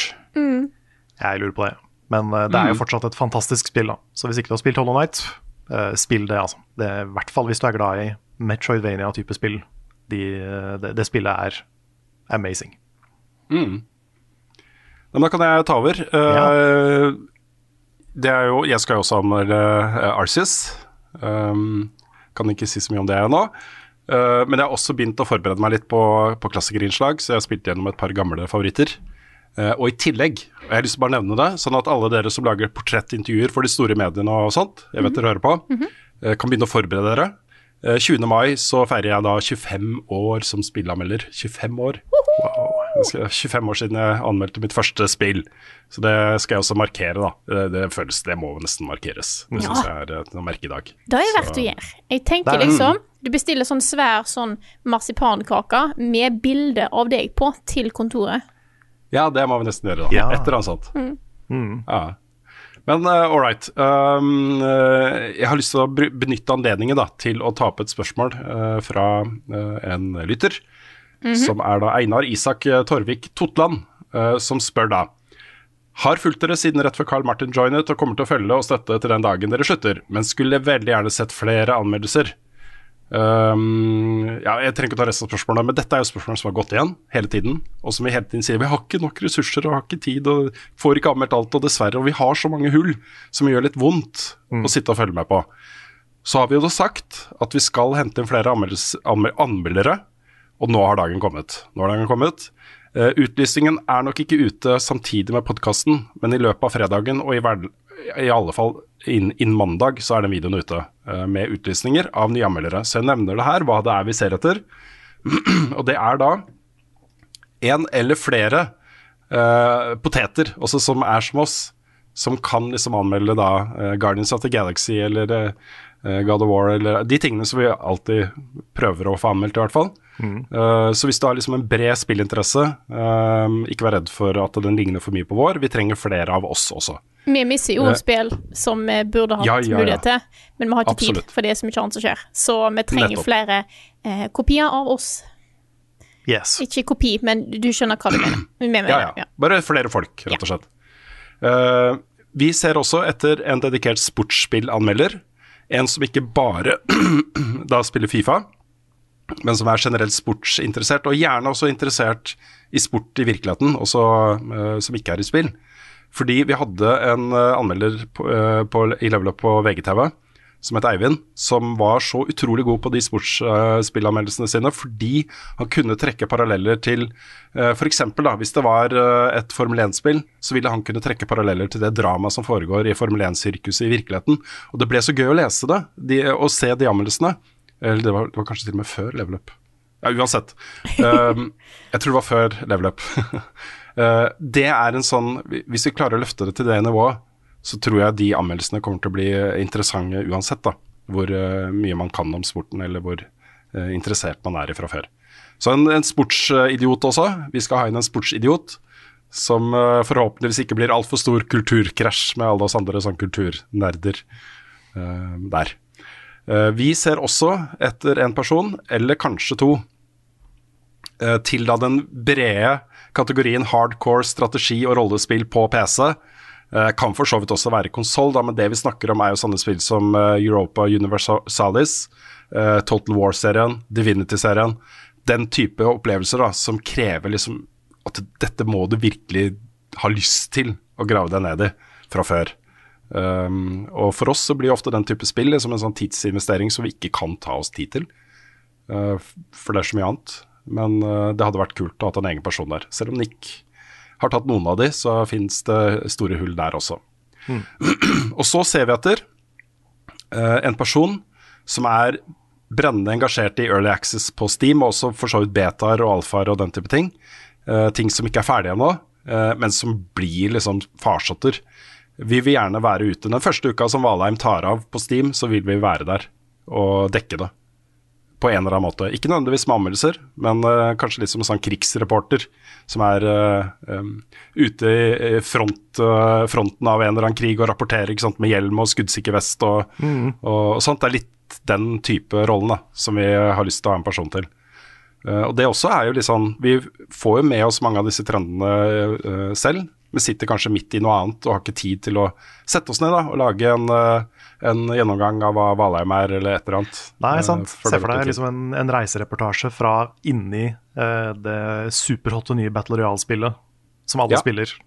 Mm. Du kan være litt kreativ der, gjøre litt sånn morsomme vrier på det. Ja. Så det er de konkrete rollene. Og så er vi også eh, åpne for, hvis du har en skikkelig god idé som du tror kunne ha blitt en dritkul, helt ny spalte eller innslag eller hva som helst i level up-sammenheng, så åpner vi for pitching av det.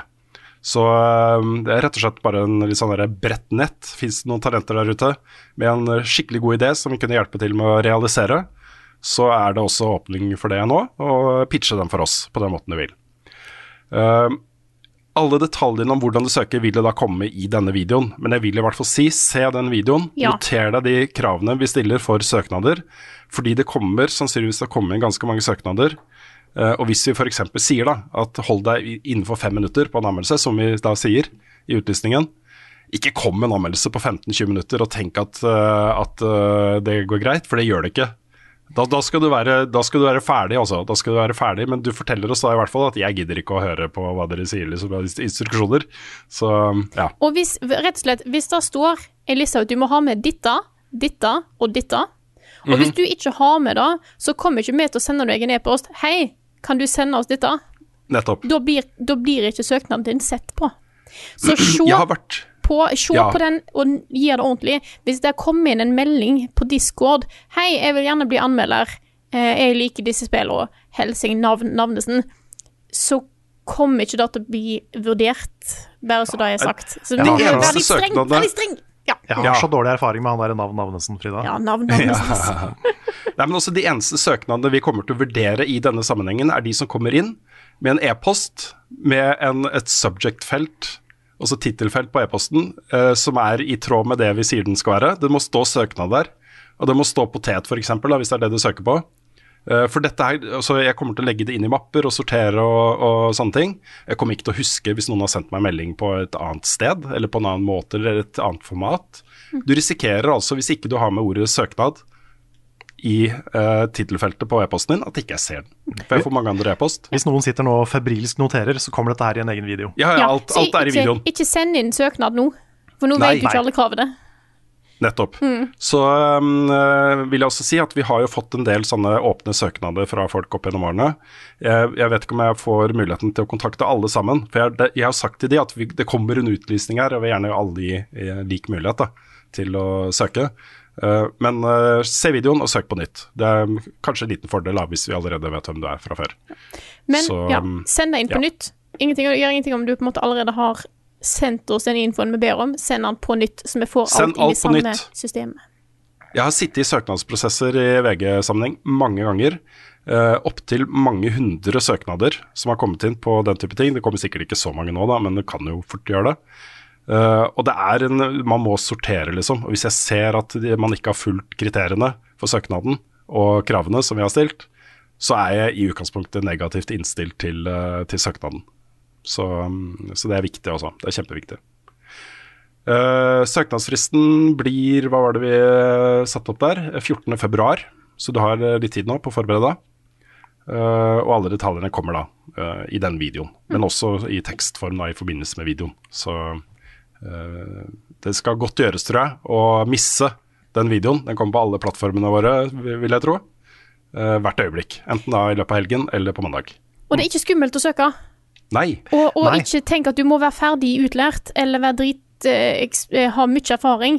Eh, du kan, så lenge du har ei god stemme eh, og har potensial, så er det eh, good shit. Jeg kunne ingenting før jeg begynte her, Mm. så da er sagt. Jeg kunne det ikke godt videoredigering, jeg kunne ikke opptak av lyd. Eh, nothing. Mm. Ja, nei, det skal vi hjelpe folk med. Det er mye viktigere med, med uh, at du er god til å formulere deg på hva din subjektive mening er, og begrunne uh, meningene dine. Og hvis, du, Så- hvis ikke du vil legge ut en søknad offentlig på YouTube, så eh, går det fint an å sette den som en listed, eh, sånn at det bare Ja. vi ser den. Ja, og ikke som privat, for da får vi ikke sett den. Nei, for da er, den bare, da er det bare du som ser den. Ja, og så sier jeg også i videoen, eller vi da, det er jo eh, på vegne av oss alle, at uh, vi er uh, Dette er på en måte ikke et, et, noe vi har satt som en sånn krav da, for hvem vi velger. At det skal være så stor uh, spennvidde på bakgrunner og kjønn og alder og sånne ting som mulig. Vi kommer til å liksom prioritere de flinkeste søkerne, men vi ønsker at folk skal vite at vi tar imot liksom Vi er opptatt av mangfold. Og vi skulle gjerne sett mer mangfold i vår stab også. Så flere kvinner, eh, flere med større spennvidde på alder, eh, flere forskjellige bakgrunner osv. Det er liksom ikke, ikke, ikke tenk at det er en hindring for deg hvis du, hvis du er en eh, ung jente eller en hva som helst, liksom. Så eh, det er ikke sant at du havner nederst i køen bak alle disse gutta liksom, som eh, åpenbart kommer til å søke. Det er, ikke, det, er ikke et pluss, det er ikke et pluss å se mest mulig like ut som Rune og meg. Du må Ikke ikke, ha briller. Nei. Det er ikke, ikke nødvendigvis noe negativt heller, men, eh, men det er ikke et krav for søknaden Nei. at du skal ligne på meg eller Carl. så, så det vil jeg at folk skal vite, da. Mm. Men det er nå også. Vi, nå beefer vi opp, så eh, dagen har kommet. Yes. Jeg er veldig spent. Veldig spent. Jeg gleder meg til å se det som kommer inn av søknader. Sånn Mm. oppriktig. Det blir gøy. Her kommer nyheter med Rune Fjell-Olsen, og han har ikke hår. Det skal vel litt til å toppe nyhetssaken vi allerede har snakka om tidligere i denne episoden her. Men det har jo skjedd litt andre ting også, så vi kan jo gå eh, litt sånn kjapt gjennom det. Eh, og det mest spennende saken, sånn, i tillegg da, til Activision, eh, Blizzard og Microsoft og de tingene, er at det trolig da kommer et nytt spill- og e-sportsenter på Andøya, av alle steder. Som blir da finansiert av Epic Games og et selskap som heter MyReese, eller Myres, usikker på uttale der. som vil da bli et svært sånn e- e-sportsenter, men også eh, Epic Unreal Academy, som handler om utdanning av uh, spillutviklere. Og det er litt så morsomt dette, fordi dette vil jo da bli plassert i en hangar på flyplassen. Og verden har jo blitt sånn at hvis du først har liksom noen svære events og sånne ting, så er det jo litt ett fett, da. Om det er på Andøya, eller om det er i Roma, eller om det er i New York. Og så man skal fly et sted uansett, ikke sant, med laget sitt og konkurrere om ting. Uh, og det er en litt sånn der saftig, spennende satsing fra, um, fra et lite norsk sted, dette her, syns jeg. Så Uh, spent på eh, hvordan dette blir. Uh, og så syns jeg det var litt morsomt å lese om initiativtakerne og hvordan dette kom i stand. da. Fordi det er da en artist som heter Anja Helen Fagerli, som er fra området, under artistnavnet Ania. Og hun har jo da laget musikk for både Ubisoft og Just Dance-greiene der. Og også samarbeida med da Myres, eller Myres, om virtuelle konserter, bl.a. Marshmallow-konsertene i Fortnite. Eh, og har da et tett samarbeid med Epic Games pga. det. Så har de da i fellesskap liksom sett på spillenes framtid og behovet for events og uh, store arenaer og den type ting, og så funnet ut at det er Andøya. Vi, tør, vi gjør det på Andøya. Ha. Det er uh, veldig morsomt, altså. Det er en kjempespennende og sånn sak ut fra ingenting som, som har mye for seg. Tenk deg hva det hadde betydd da, for nærområdet å fått et sånn type senter der. Det er jo helt sjukt. Det, ja. OL neste. OL neste. Uh, så går vi kjapt gjennom resten av sakene. Final Fantasy 14 er tilbake i salg uh, den 25. januar. Det, har jo, det var jo så stor pågang Ja. at de slutta å selge Det var, til nye spillere. det var en helt vill situasjon, men, men det, ble, det ble så populært og det ble så lange køer at de fjerna det fra butikkene. Men eh, det er det altså snart tilbake. Nå er jo ikke Jeg har ikke vært kjempeaktiv i det siste, men jeg, jeg ser jo at køene har blitt mye, mye mindre. Så for meg har det ikke vært noe problem å logge på de siste ukene. Ja, men det er bra. Men jeg er noe interessant, bare veldig kort her, eh, Rune. At eh, Final Fantasy 14 er en av få spill som både har stengt salg fordi det var dårlig, og fordi det var for bra. Ja, Ja. det er helt riktig. Ja, det er sant. Det er, eh, det er sånn unprecedented spillhistorie, altså. Ja. Ja, det er- det har vært gøy å følge med på. Den 25. januar er det også en annen merkedag for indiespill-tilhengere. The Artful Escape kommer til PlayStation 4 og Switch 25. januar, og det var jo et av fjorårets aller beste og kuleste indiespill, dette her. Mm, definitivt. Så gøy å se at det får eh, et utvida publikum. Beklager stemmen. Også, jeg er fortsatt forkjøla. Kommer sikkert til å være forkjøla hele året. Uh, vi har snakka litt om, uh, om Hogwarts Legacy, både i preview-episoden for eh, spillåret 2022, men også i spilluka, med rykter om utsettelser og alt mulig rart. Nå har da uh, utviklerne via uh, Wizarding World, som er jo sånn community-side for Harry Potter-relaterte ting, uh, gått ut og sagt at Hogwarts Legacy kommer i år. Det kommer i år, så da får vi stole på det. Og så har vi fått et spørsmål på Discord-serveren vår, som er discord.gg slash levelup eh, Norge, ikke sant? Ja, discord.gg slash levelupnorge. Mhm. Så spør da når skal dere snakke om hashtag save Red Dead Online? Det er jo superrelevant. Eh, og må innrømme at det var en hashtag som jeg har eh, så vidt sett, men ikke satt meg skikkelig inn i. Eh, så jeg gjorde det nå, bare pga. deg, PLK. Og det det går på, er jo at spillerne av Red Dead Online mener Rockstar ikke gjør nok for å holde den satsingen vital og levende og i live. Det, det som kommer oppdateringer, er bare sånn smågreier. Uh, bonus XP og mer gull for å gjøre ting og sånt, men ikke uh, kontinuerlig videreutvikling av nytt innhold, sånn som det gjør med, Red, med eh, eh, GTA Online. Det er på en måte sammenlignbart der. Så det er jo en stor aksjon da, for å få, prøve å få Rockstar til å gjøre mer der, og jeg er litt nysgjerrig på hvorfor de ikke gjør mer. Betyr det at liksom de har en ny versjon av det på gang, eller betyr det at de skal gå videre, at de ikke ser nok inntekter fra det, at ikke det er eh, samme type eh, engasjement som det er på GTA Online, eller betyr det bare at de ja, Altfor mange av de jobber med GTA 6, så de får ikke, har ikke nok ressurser. Altså Det er, det er mye spekulasjon, da. Ja, men har de ikke, har de ikke slitt med å få Red Dead Online opp på det nivået de vil hele veien? De har nok det også.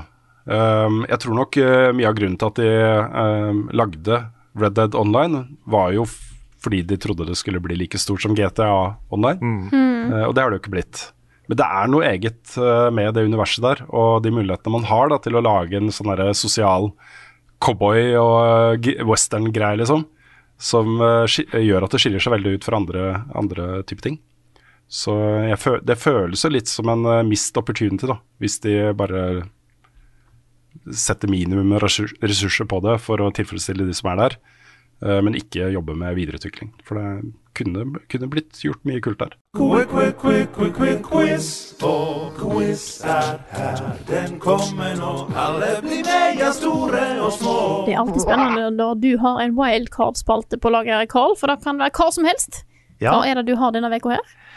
Nei, det er jo nok en gang da, Activision Blizzard-relatert. Hei. Dette her, vi har jo ikke snakka nok om det ennå. Så um, jeg har laget en sånn liten miniquiz her. Uh, og her så er det poenget til den av dere som er nærmest. Fordi uh, jeg har lyst til å prøve å sette dette beløpet litt i perspektiv. Ja, Ja. det liker jeg. Uh, ja, så det jeg vil fram til, det er hvor mange av andre typer avtaler i da spillbransjen og underholdningsindustrien du kan få for én Activision Blizzard. Ja, mm. Ah, Så eh, hvis, hvis noen ikke skjønte den setningen, så skjønner dere det når vi er i gang. ok. Så vi begynner med den kanskje mest åpenbare. Hvor mange Star Wars får du for én Activision Blizzard? eh, OK. Jeg husker beløpet, sånn cirka. Ni. Ni får det. Rune Ja. sier ni. Eh, skal vi se Nei, fordi det er 15 15? Da er det poeng til Frida, for det er 17 Star Wars. Å ja, det var lavere enn det jeg trodde. Ok. Mm. Så du får 17 Star Wars, altså. 17 17 Lucasfilm for, eh, for én Activision Blizzard. Mm. For jeg husker det var rundt 40 milliarder. Mm. Yes. Eller fyr- 44, vel? Ja, men jeg er rundt 40. Ja, sånn, ja. Så jeg tok det derfra. Yes. Uh, ok, hvor mange -hmm. Pixar får du for én Activision Blizzard? Og Pixar var ikke så dyr. Var det det? 23. Nei, Jeg tror det er mer, altså. Eh, kanskje det er sånn 40? Da ble det poeng til Rune der, fordi det er ni Pixar får du Det er for, ni, ja. eh, for en Det er ikke mer? Da, da, ok, da gikk det for mye mer enn jeg tenkte.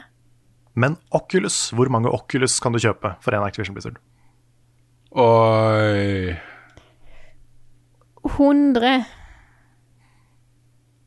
100. Ja, da sier jeg uh, Nå skal jeg være litt taktisk her. 70. Ja, det var lurt, Rune. 34 er svaret, så dere var okay. ganske langt unna. Men Ja. 34 Oculus. Jeg innser at jeg har ingen anelse om hva firmaet går for.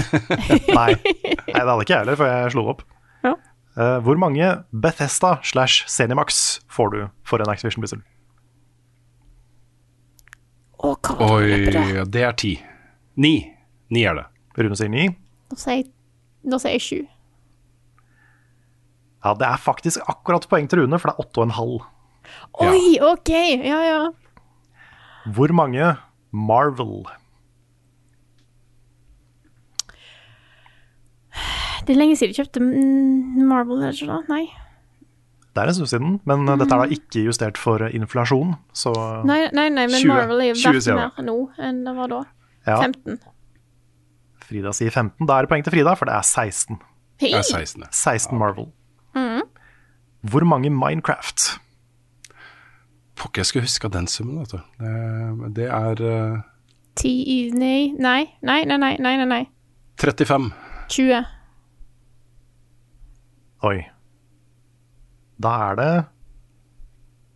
Nå må jeg, nå må jeg regne her. Du sa 35, jeg sa 20. Det er midt imellom. Ja, det er midt imellom. Ja, 27, 27 er riktig, da. Eller, ja. Nei, det er faktisk, faktisk 27,5, så da blir det poeng til begge. Oi! Wow. Det var nøyaktig 27,5 Minecraft, så det, Ja. da ble det dobbeltpoeng. Mhm. Og så siste, fordi vi har allerede snakka om Century Fox, så det var jo da nesten én. Uh, men den siste Hvor mange Rare? Altså fra da. Microsoft kjøpte Rare. Det er lenge siden jeg kjøpte Rare. Det er veldig lenge siden. 100. Jeg sier eh, 101. Ja, det var skjevt. Men uh, da var det poeng til Rune, for det er 185 Rare. Å, Ja. fy fader, det var så Jeg trodde det var rundt 200, så eh, Bare for ikke å være for langt unna, så Ja, nei, men det er svære summer, dette her. Og Ja, det, er faen. nesten, altså, det setter jo det litt i perspektiv, da. Det gjør det. Mhm. Så denne avtalen her er da 185 ganger større enn det Rare-avtalen var da Xbox Ja. eh, Det var jo kjempebig deal, bare det. Ja. Det er lekepenger. Det er lekepenger. Tullepenger. Rett og slett. Hva er dines best, hvor var fredag sist? Har Carl egentlig sopp? Ukens spørsmål. Vi har jo allerede svar på litt spørsmål i denne podkasten her, men vi har noen til på, på lager, vet du. Vi begynner med et spørsmål fra Patrick Hartveit Lie, som spør hvordan kom dere på navnet Level Up? Og da blir jo selvfølgelig retta mot Rune. Du var jo den eneste av oss som var involvert på det tidspunktet. Ja, vi hadde jo en liten session på det på tiårsjubileet vårt på Eldorado også. Hvor eh, jo da Endre var jo med og fikk det spørsmålet. Vi snakka om det, diskuterte det der også. Um, grunnen til at vi havna Det var jo mange navn da som var eh, og svirra rundt uh, som, uh, som eh, potensielle navn på dette magasinet. Uh, og jeg husker vi diskuterte ganske mye hvor, eh, hvor vi skulle havne. Og grunnen til at vi endte opp på Level Up, og ikke på et litt mer sånn spissa norsk navn. da. Jeg tror til og med Spillrevyen var inne liksom som et navneforslag der i, i, på den lista. Eh, det var rett og slett fordi det passa godt øh, som et VGTV-program. altså det, det å se Level Up i VG, en VGTV-meny, så visste du med en gang hva dette var. Det var ikke noen tvil om at dette var et uh, spillmagasin. Så, um, så det var egentlig grunnen til at vi havna på det. Så vi hadde ikke sett for oss da at vi skulle slutte å ta med oss merkevaren ut og lage en YouTube-kanal og en podkast og alle de andre tingene vi har gjort, liksom. Vi eksisterer jo nå i en verden hvor alt heter Level Up. Så um, det, er, det er derfor vi har begynt å bruke mye Level Up Norge, da. Bare for at folk skal kunne søke på ting og finne oss, ikke sant.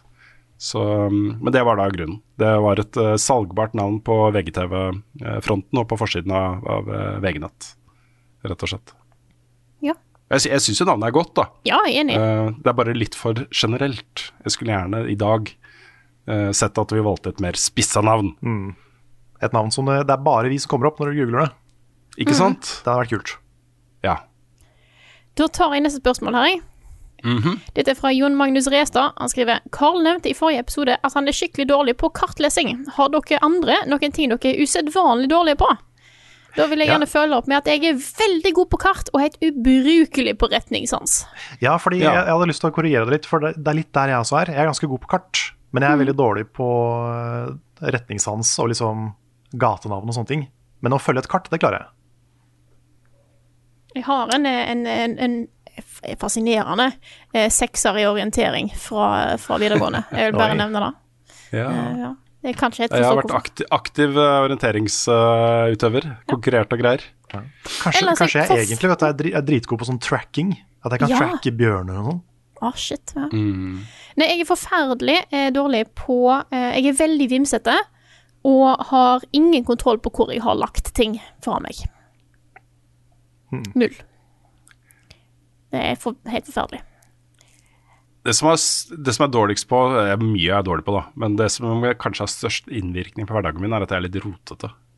Jeg er, jeg er ikke så glad i å rydde. Så ting blir fort litt rotete. Det kan tenkes at eh, det dukker opp av og til eh, i, i litt sånn eh, kjekling med kona. så um, Jeg er heller ikke ikke så flink til det. Jeg har en tendens til å sette Nei. fra meg ting og tenker jeg skal ta det senere, og så gjør jeg ikke det. Mm.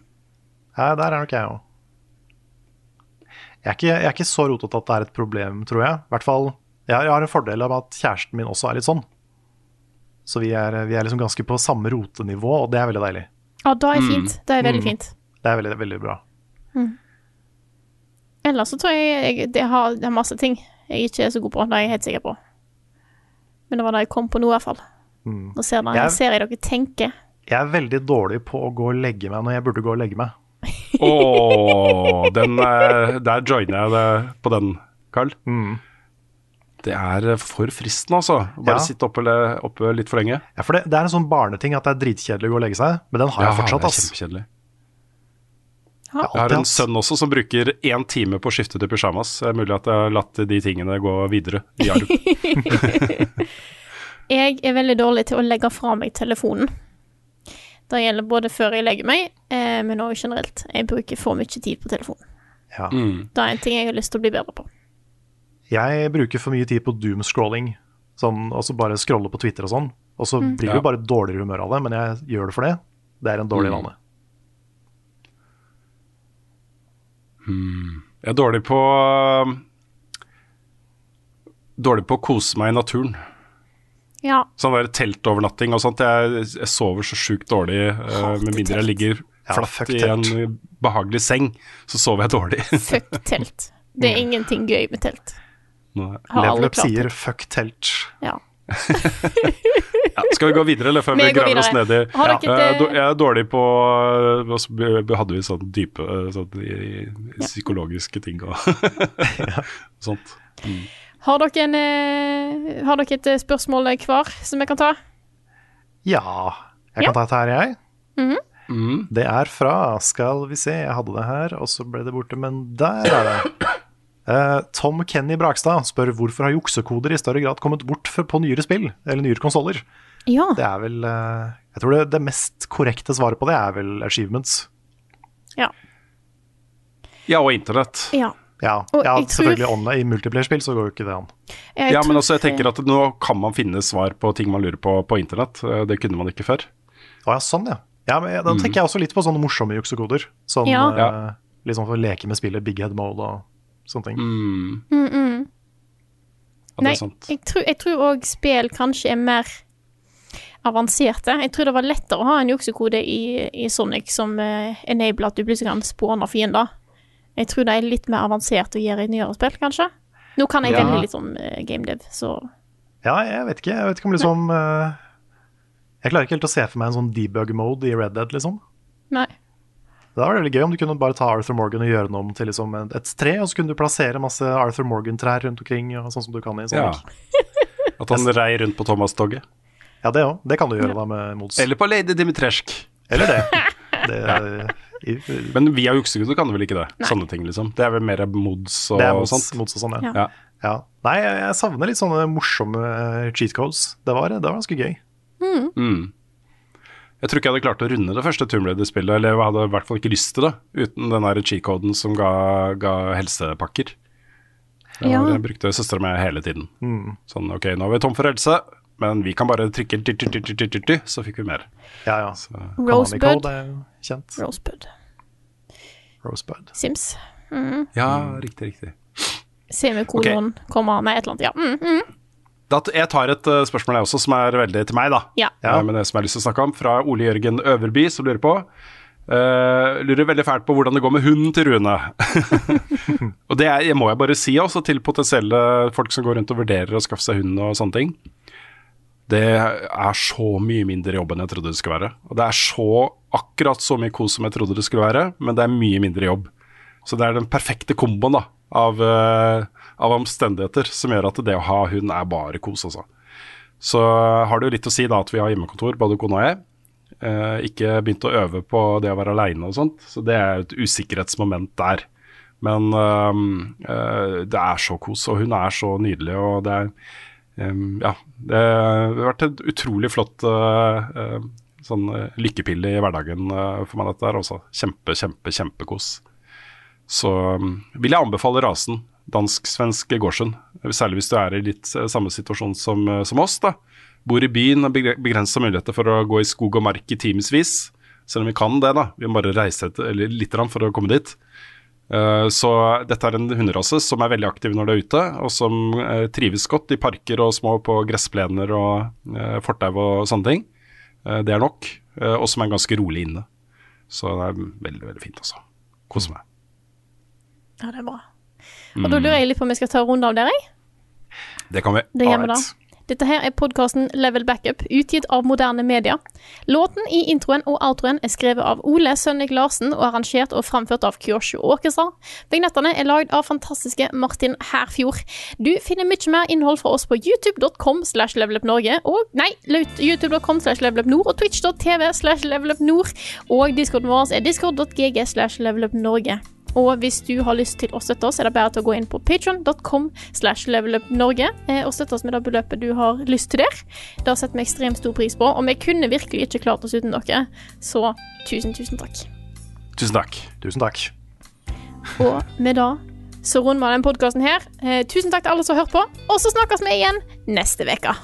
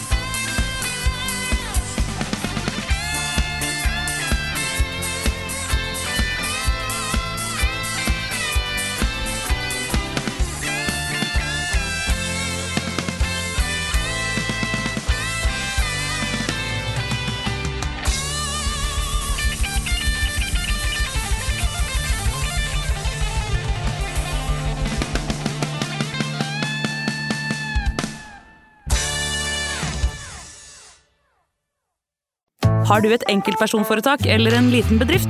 Da er du sikkert lei av å høre meg snakke om hvor enkelt det er med kvitteringer og bilag i fiken, så vi eh, gir oss her, vi. Fordi vi liker enkelt. Fiken superenkelt regnskap.